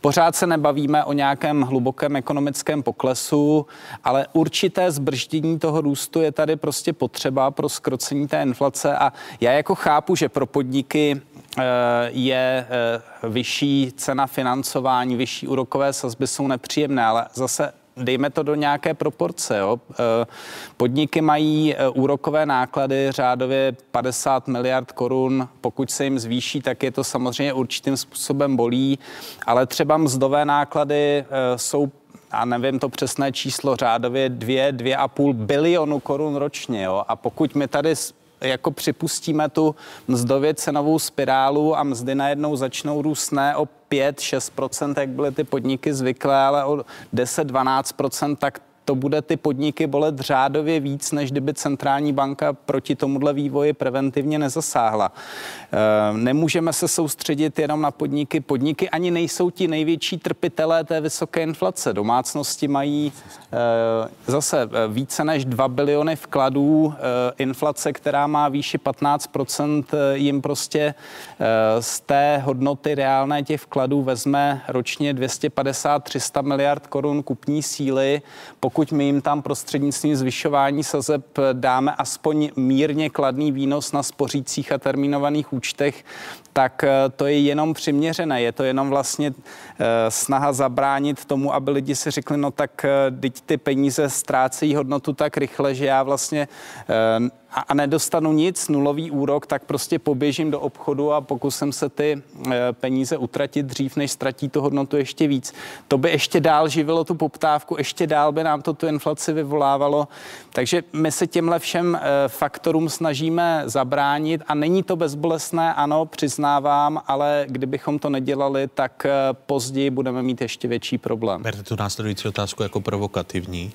Eh, nebylo by České republice v této situaci líp, pokud by už dávno byla v eurozóně, eh, protože eh, většina, ku příkladu, nájmů u komerčních nemovitostí v eurozóně. Většina firm už se zajišťuje. Míra inflace, která odkusuje úspory, úspory obyvatel. Nestabilní kurz, který Česká národní banka eh, teď eh, se snaží stabilizovat intervencemi. Nebylo by nám líp v této situaci v eurozóně, Luďku Niedermayere? Eh, já si myslím, že jo, jakkoliv se nedá říct, že bychom teďka měli nižší inflaci. My nesmíme zapomenout, že velkou část té inflaci jsme tady vyrobili našimi minulými špatnými rozhodnutími. Já bych třeba jen tak namátkou možná zmínil tři. Eh, myslím si, že už dlouhá léta ekonomové a mimo jiné také doporučují z práce Evropské, eh, práce Evropské unie říkají, že máme špatně fungující pracovní trh. Hmm. Například, že dostatečně nevyužíváme potenciálu eh, rodičů na mateřské dovolené. Mám pocit, že v minulých letech jsme ještě přijali opatření, která vedly k tomu, že jsme měli menší příliv pracovníků ze zahraničí. Tohle všechno nám tady vyrobilo bylo část té inflace.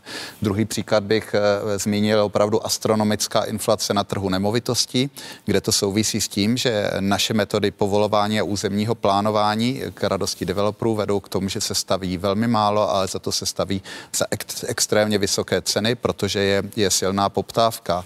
A do třetíce bych třeba zmínil Bohemia Energy, protože to, že u nás rychleji rostou ceny energií pro domácnosti, souvisí s tím, že stát neureguloval a ne, nedohlížel dostatečně na obchodníky s energiemi a ten pád Bohemia Energy udělal velkou paseku na trhu s energiemi, protože najednou eh, stovky tisíc klientů museli přejít k jiným obchodníkům a ty za ty nejhorší možné ceny pro ně z trhu dokupovali energii a postupně pak toto navýšení promítají eh, Proto máme i vyšší růst energií. Čili jinými slovy, my platíme náklady za špatná rozhodnutí v minulosti a pro mě tedy, a se vrátím k té vaší otázce, je to i rozhodnutí eh, o euru, protože jeden z těch strašáků pro tu inflaci je oslabení kurzu. Já myslím, že Česká národní banka správně zareagovala, když v případě, kdy v důsledku vlastně politického rozhodnutí hrozilo oslabení kurzu, ale eh, ta určitá obava z oslabení kurzu tady je a já si myslím, že řada obchodníků reaguje na nejistotu ohledně kurzu tím, že pro své dovozy počítají s trochu slabším kurzem. Eh, Známe Známe to také z obchodních domů, které uvádějí cenovky eh, v různých eh, měnách, tak většinou ty eh, české vycházejí horší, než je propočet měne, směna, dle směného kurzu. A možná jako poslední faktor bych také uvedl to, že to, že jsme vlastně otevřeli ten úrokový diferenciál, tak to znamená, že vlastně budoucí ten takzvaný forwardový kurz je slabší. Čili když dnes dovozce zajišťuje kurz pro dovoz zboží za rok, za dva, za tři, tak ten kurz je signifikantně slabší a to znamená, to dovážené zboží bude dražší. Čili uh, neseme náklad našich minulých uh, rozhodnutí, ale zase na druhou stranu by bylo velmi nefér říct, že kdyby ta naše ekonomika byla stejná a pouze bychom měli euro, že by všechno bylo uh, jednoduché. Jinak ještě porovnání dvou čísel. Já myslím, že Evropská centrální banka nyní nedělá tu nejlepší měnovou politiku, ta úroková sazba je kolem nuly. Tím, tím narážíte právě na měnovou politiku úrokových sazeb, kdy se snad očekává, Postupně jak jsem se díval na Financial Times, že by to mělo být v červenci, v červnu, když se podíváme na data, eh, jak je na tom Evropská centrální banka s úrokovými sazbami, což uvidíme za pár okamžiků na grafu. Ano, tady vidíme. Čili tam vlastně vidíte, že při nějakých nulových sazbách je tam průměrná inflace 7,5%, ale z tohohle pohledu vlastně ty naše úrokové sazby jsou ještě nižší, protože my jsme někde ani ne na 6% při, při téměř 15% inflaci. Eh, Pavle Sobíšku, by, bylo by nám lépe, kdybychom už byli v eurozóně? Určitě by nám nebylo hůř. Eh, já osobně si myslím, že jakou máme měnu, zas není tak důležitý ekonomický faktor. Eh, z titulu své pozice v Unicredit vlastně na denní bázi sleduju i slovenskou ekonomiku. Dělali jsme si nejrůznější srovnání, jestli tedy Slovensku eh, euro historicky nějak pomohlo ve vyšším ekonomickém růstu. Eh, zjistili jsme, že ano, ale velmi málo. Bylo to možná méně než jeden procentní bod díky tomu, že na Slovensku tehdy po přijetí eura přitekly nějaké investice které mohly skončit kdekoliv v rámci střední Evropy, ale na Slovensku skončily právě proto, že bylo jedinou zemí, která měla tehdy euro. Eh, jako, jako laik a neokonom. Vy jste si do toho modelu dali, eh, jaké jsou náklady, ty eh, náklady eh, pojištění a kurzového zajištění u firm. Jaké jsou náklady intervence vůči měně, která stále patří k těm malým měnám, a může zažít eh, jednotlivé rany a, a nebo to. Je to v tom započítáno, kdyby někdo spočítal. Se omlouvám za laickou otázku. Pokud by někdo spočítal všechny tyto, všechny tyto náklady, jestli by ta ekonomika mm, netrpěla méně, pokud by měla jinou měnu, jednotnou evropskou měnu. Eh, je to, je to samozřejmě možné. Určitě náklady na zajišťování kurzu nejsou, nejsou malé. Eh, část těchto nákladů eh, získávají banky ve formě výnosu, ale o druhou část se musí podělit eh, se zahraničím, se zahraničními institucemi. Takže se dá říct, že na každém zajištění kurzu pro tu zemskou firmu vydělává zahraničí. Tohle je nepochybně legitimní faktor, který může vést k úvaze, že by nám bylo lépe s eurem. Eh, ptát se centrálního bankéře, říká stará nadsázka, že to je stejné jako ptát se kapra, jestli se těší na Vánoce, kdyby se centrální banka právě zbavila svých pravomocí a podporovala vstup do eurozóny. Neukazují se ty náklady v těch uplynulých letech, o nich jsem mluvil, jako příliš vysoké? Tak za mě, eh, já bych nevnímal euro ani jako všelek, ani jako nějakého démona, kterého bychom se měli obávat. Ty náklady na zajišťování kurzových rizik tady nepochybně jsou. My jsme dělali analýzu, která naznačovala, že jsou zhruba 2 až 4 desetiny procenta HDP ročně, což není nic fatálního, ale není to ani úplně malá částka. Samozřejmě, když to běží rok po roku, tak eh, se to může v čase jakoby kumulovat do poměrně vysokých částek. Eh, Na... Rozumím tomu správně, že se připravujeme o 2 až o 2 procenta růstu? Dvě, ne, ne, ne, dvě desetiny, dvě, desetiny, dvě až čtyři desetiny ročně. úrovně HDP ročně. Ročně. Ročně. ročně. No.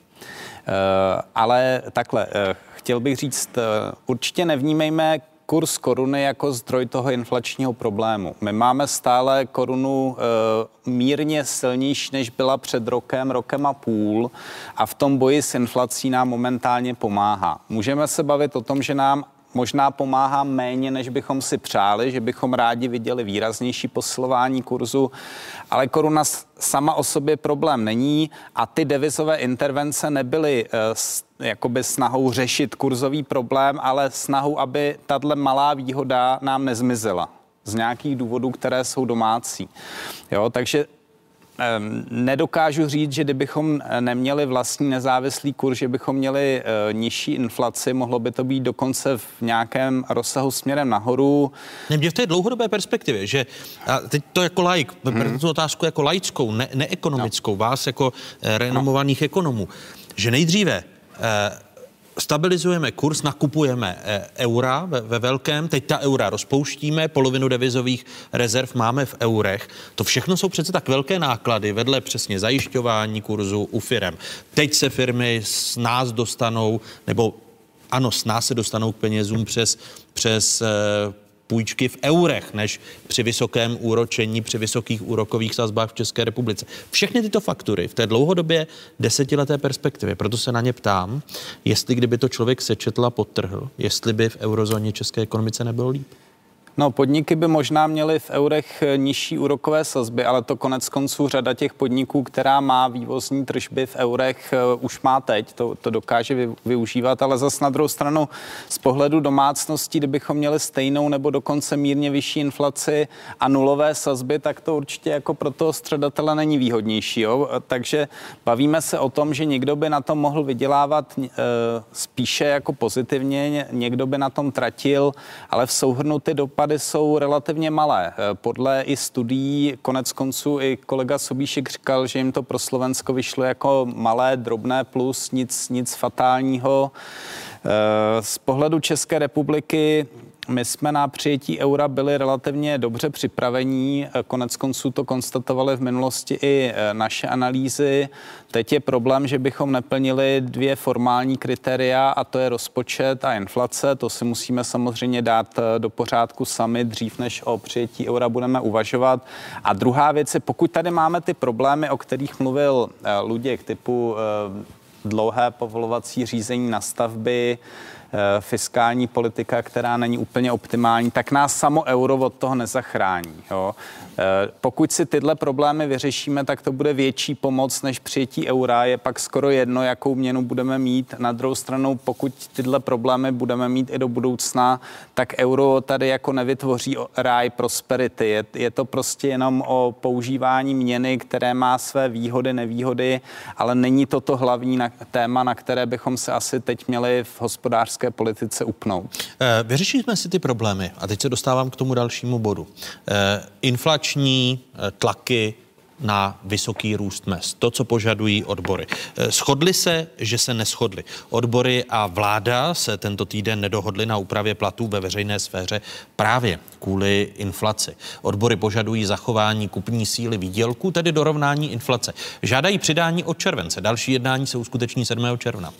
Žádali jsme vládu asi čtyřikrát do toho, ať předloží nějaký návrh, ale vláda eh, nám odpověděla pouze v tom slova smyslu, že jsou připraveni řešit platovou situaci zaměstnanců, ale nezdělili žádnou formu. My jsme řekli mnoho eh, na toto téma, řekli jsme, že my nepožadujeme nárůst platů, my požadujeme to, aby platy nestratily svou kupní sílu. Podle středuly jsou odboráři připraveni jednat o paušálním i procentuálním dorovnání. Předák zmínil, že u jednotlivých profesí se může úprava výdělků lišit. Eh, a jak vypadají mzdy ve veřejné sféře, když si je srovnáme s výdělky v, v, v soukromé sféře? Průměrné platy ve veřejné sféře jsou už několik let vyšší než mzdy v soukromé sféře. Eh, sami vidíte, předloni byl průměrný plat přes 42 tisíc korun měsíčně, loni už se přiblížil 45 tisícům v soukromé sféře. Lidé předloni v průměru brali eh, skoro 38 tisíc, loni se průměrný plat v soukromé sféře přiblížil 40 tisícům korun. Eh, Pavle Sobíšku, podaří se podle vás odolat ten tlak odboru, teď mm, tedy tlak na vládu a nebude dál roztáčena ta inflační spirála právě tím tlakem mzdovým? Já věřím, že vláda udělá všechno pro to, aby eh, tu eh, mzdovou, mzdově inflační spirálu nepodpořila. Eh, neznamená to, že by úplně odmítla jednat s odbory, to by asi politicky neprošlo, ale pravděpodobně se bude snažit odložit ten okamžik, od kterého by se mzdy zvyšovaly. A myslím si, že bude úspěch, pokud to nebude od července, ale bude to třeba až od října a pokud eh, bude to zvýšení v jednociferných částkách. To si myslím, že je realistické a eh, konec konců, když eh, jsme slyšeli požadavky odborů, tak víme, že ty požadavky se nikdy nenaplní na 100%.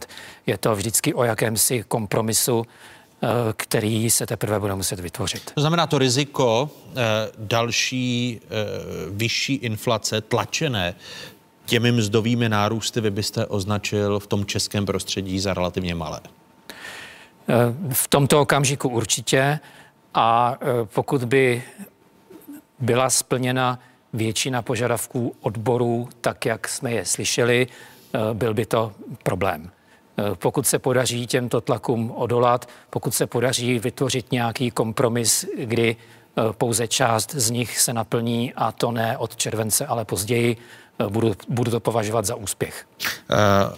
A vy jako předseda rozpočtového výboru nebo výboru pro rozpočtové prognózy, nebylo by lepší zvyšování platů ve veřejné sféře na úkor snižování počtu. To znamená, že státní zpráva v České republice je méně efektivní, ale přitom eh, hůře placená?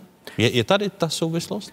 Ano, to by určitě bylo lepší, ale nesmíme zapomenout, že mezi těmi pracovníky veřejné sféry, tak jak eh, jsme je viděli tady v grafu, tak eh, je vlastně, jsou všichni pracovníci školství a víc než polovina pracovníků eh, zdravotnictví. Takže zrovna učitelé a lékaři, eh, tam si myslím, že by nebylo žádoucí snižovat jejich počet. Když se budeme bavit o úřednících, budíš, ale to zase nedá tolik, aby to vykompenzovalo požadavky na růst mest. Uh, Ludku Niedermayer, když vy se podíváte, odbory tlačí na růst minimální mzdy, to je to, co uh, chtějí hlavně jejich požadavek, teď aktuální zní 18 200 korun. Uh, připomínám, že v současnosti od letošního ledna můžeme se podívat záhy na grak fiku je od ledna 16 200 korun, ona minimální mzda. Myslíte, že může vláda v některých ohledech tomu tlaku podlehnout? Eh, já tady na tu minimální mzdu řeknu svůj a výhradně svůj názor. Já si myslím, že ta, ten boj o minimální mzdu z obou stran je vysoce nadhodnocený a já osobně si nemyslím, že by zvýšení minimální mzdy vytvořilo uh, něco zásadně uh, negativního v té ekonomice, ale je to jenom můj uh, soukromý názor. A Takže vůbec by... ani nechápete ty, ty spory o minimální mzdu? Určitě. A to proč si vláda dala dokonce valorizaci, minimálním automatickou valorizaci? Já si myslím, že naopak mzdy. to je dobře. Ta automatická valorizace je podle mě dobrá věc, protože to odpolitizuje tu diskuzi. Ale samozřejmě, kdybychom se bavili o minimálním mzdě 25 nebo 30 tisíc, tak by to bylo úplně jinak, ale diskuze kolem úrovně 18 tisíc, zdali je tam několik set navíc nebo míň, eh, to je, mám pocit, eh, z mého pohledu nadhodnocené, když já vím, že Pavel s tím nesouhlasí, protože jsme se o tomto tématu mnohokrát bavili, ale chtěl bych tady upozornit, že ta inflace eh, většinou se jinak promítá do lidí s nižšími a středními a vyššími příjmy.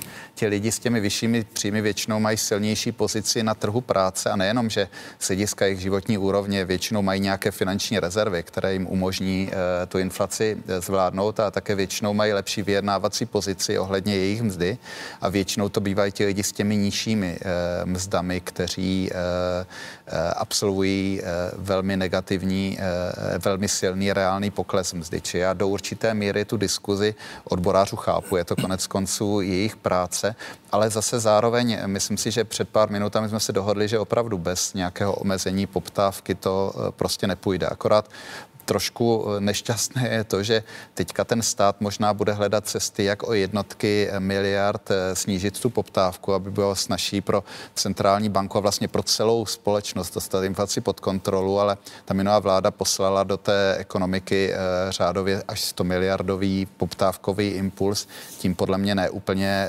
domyšleným snížením daně z příjmu. A samozřejmě takovýto obrovský vliv vykompenzovat nějakou šetrností v tom rozpočtu, rozpočtu a navíc šetrností, která se může projevit v úplně jiné skupině obyvatel než ti, kteří byli beneficienti toho snížení mest, je opravdu uh, politicky nesnadná diskuze a nesnadno realizovatelný cíl. Uh ta očekávání od mzdových nárůstů a riziko mzdových mm. nárůstů v české veřejné, potažmo v soukromé sféře, dělají vám jako centrálním bankéřům vrázky na čele? Tak eh, do určité míry ano, i když sou, souhlasím s Luďkem v tom, že prostě od eh, odborů nelze čekat nic jiného, než že budou v takovéto situaci požadovat zvýš, zvýšení mest. Jo? To prostě dělají svoji práci, plní svoji úlohu.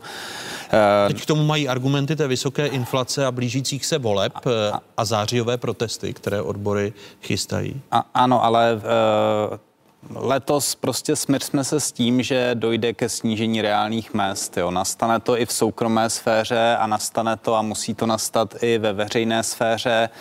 Eh, my jsme jako ekonomika schudli. My prostě plyn a ropu dovážíme ze zahraničí a můžeme se bavit samozřejmě o tom, jestli z Ruska a do budoucna od někoho jiného, ale eh, z hlediska ekonomického je to prostě šok, který eh, znamená, že my něco, co nutně potřebujeme, si koupíme dráž a budeme se muset vlastně smířit minimálně po nějakou dobu s poklesem životní úrovně a představa, že zrovna zaměstnanci státu se tomu vyhnou, eh, je samozřejmě eh, taková, že ne úplně reálná. Já souhlasím s tím, co říkal Pavel Sobíšek, že asi eh, tam k, nějakým, k nějakému kompromisu nakonec dojde v tom smyslu, že se ty mzdy ve státní sféře zvýší nominálně, ale reálně dojde k jejich poklesu, trošku více jakoby přiblíží tomu vývoji eh, v soukromé sféře, který ale vlastně ten stát předbíhal. V minulých letech stát přidával rychleji než ta soukromá sféra, teď by se to mělo do určité míry srovnat.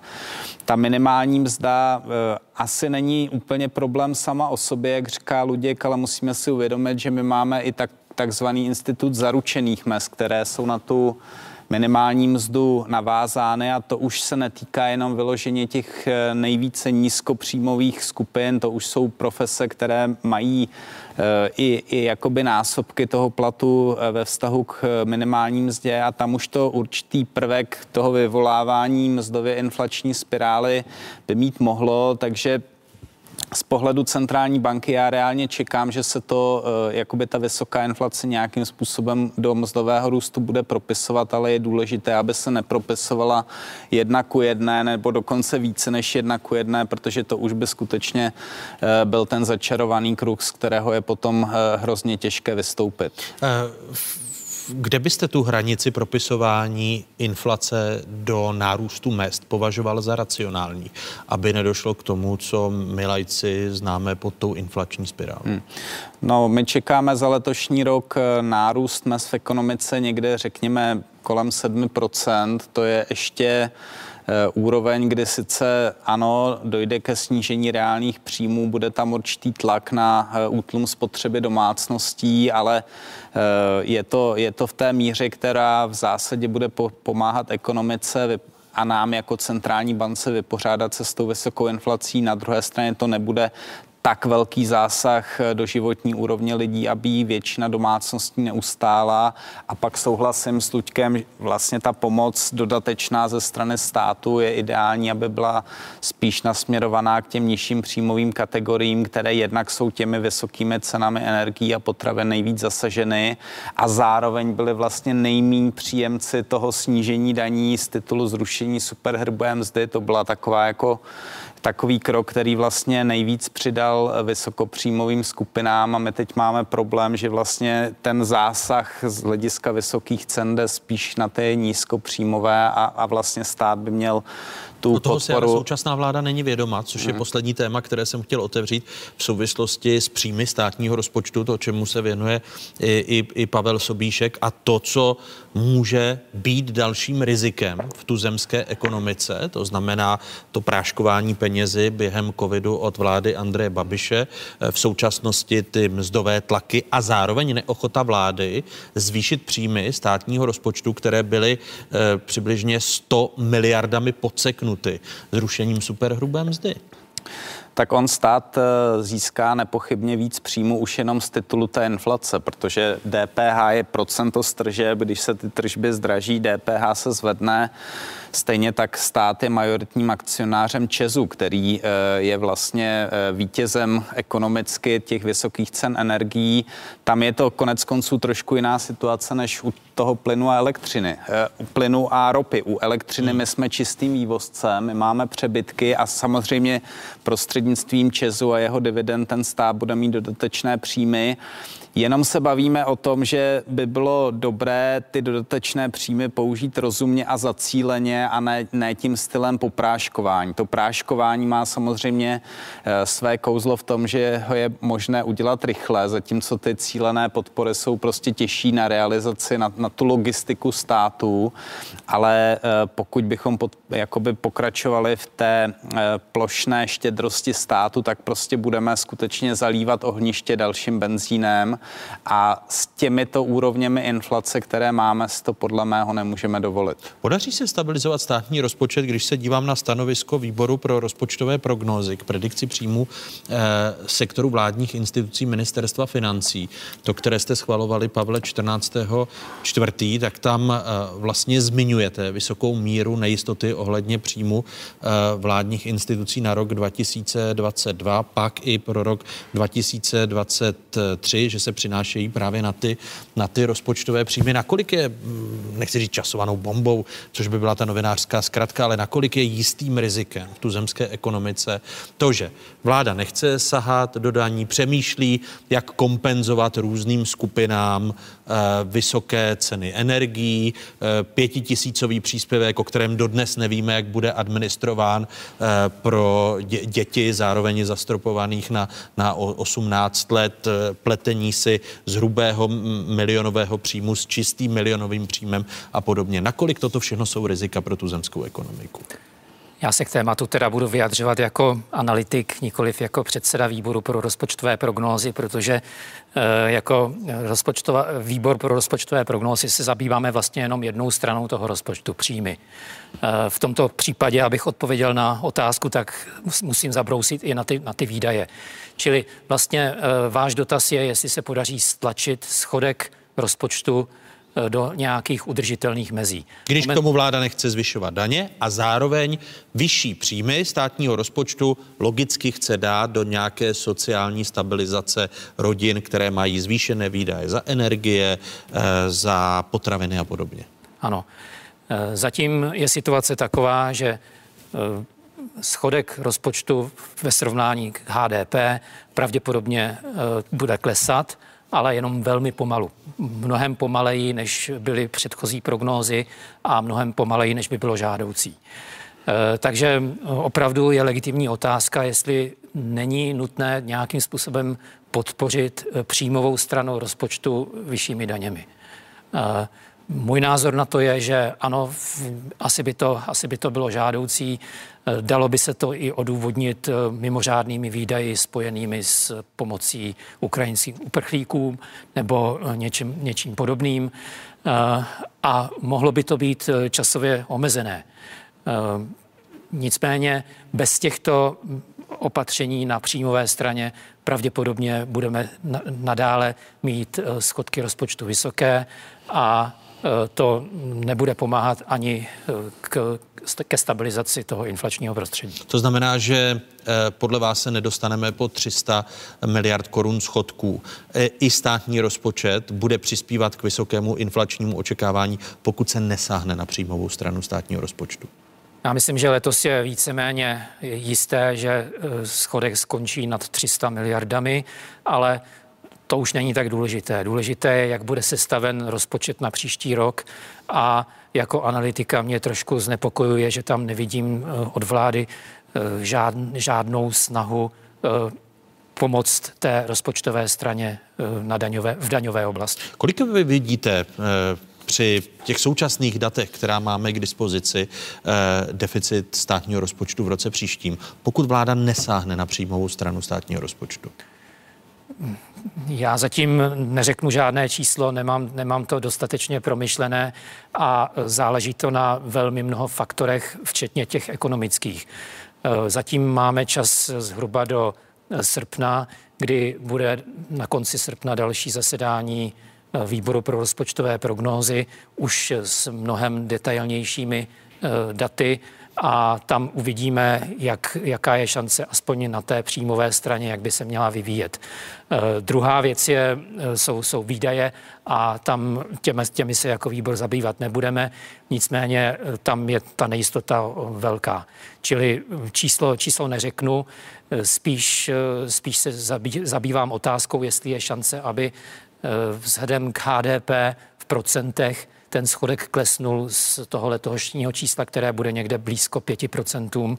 A e, myslím si, že i kdyby došlo k tomu snížení, tak to snížení bude jenom velmi malé. E, na které daně je, tady vaše schoda, že, že se nepodaří stabilizovat veřejné finance, pokud se nesáhne i na tu přímou stránku, což si vláda i po těch externích šocích, jako je Putinova okupace Ukrajiny, jako je jistá energetická krize, nazvěme to, nedej Bůh, ta možná potravinová, která bude Evropu, respektive Afriku čekat tak eh, že vláda si i přesto zakázala zvyšování daní. Luďku Niedermayer. Eh, já si především myslím, že z toho letošního rozpočtu je třeba opravdu odpočítat ty jednorázové eh, naprosto unikátní výdaje spojené s tou válkou na Ukrajině a s obrovským přílivem uprchlíků.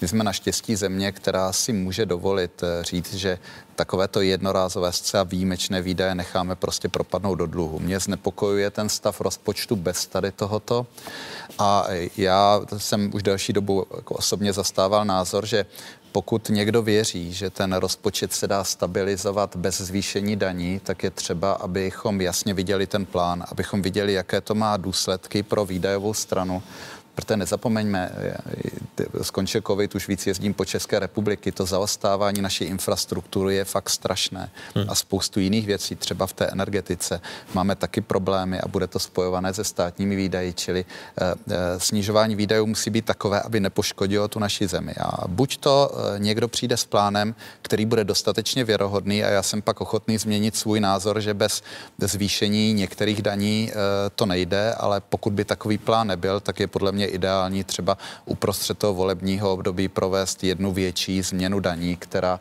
dostane tu balanci těch příjmů a výdajů do takové rovnováhy, že budeme schopni hospodařit s rozumným a klesajícím deficitem už také proto, že vlastně celé, celé těch posledních 10-15 let nás eh, provází jedna externí krize za druhou a ono vstupovat do té krize, třeba teďka e, způsobenou e, invazí Ruska na Ukrajinu s, s, s rozpočtem ve velmi špatné špatném stavu je velmi špatný nápad, či my potřebujeme uh, i z nějakých obezřetnotních důvodů mít prostě ten deficit pod větší kontrolou. Možné riziko uh, neskrocení veřejných uh, výdajů, respektive státního rozpočtu jako pro inflačního faktoru? No určitě minimálně nemůžeme jako centrální banka spolehnout na to, že ten boj s inflací za nás odpracuje vláda. Jo? E, bylo by to samozřejmě žádoucí, aby obě ty politiky mířily stejným směrem. Ono to tak před vypuknutím eh, války na Ukrajině trochu i vypadalo. Byli kolegové, kteří argumentovali, nespřísňujme tolik naši měnovou politiku. Vždyť přece stát říká, že začne velmi brzo a velmi razantně zpřísňovat politiku rozpočtovou. Teď prostě ty všechny okolnosti mě reálně vedou k tomu, že eh, vláda sice asi má nějakou eh, upřímnou snahu dlouhodobě schodky rozpočtu snižovat, ale to tempo bude podstatně pomalejší, než bylo původně zamýšlené a plánované a tudíž to zpřísnění se musí eh, ve větší míře odpracovat politika měnová právě proto, abychom se vyhnuli tady tomu dlouhodobému zahnízdění inflace nejen v celé české ekonomice, ale i v našich hlavách. Já vám děkuji za tuto zajímavou ekonomickou debatu.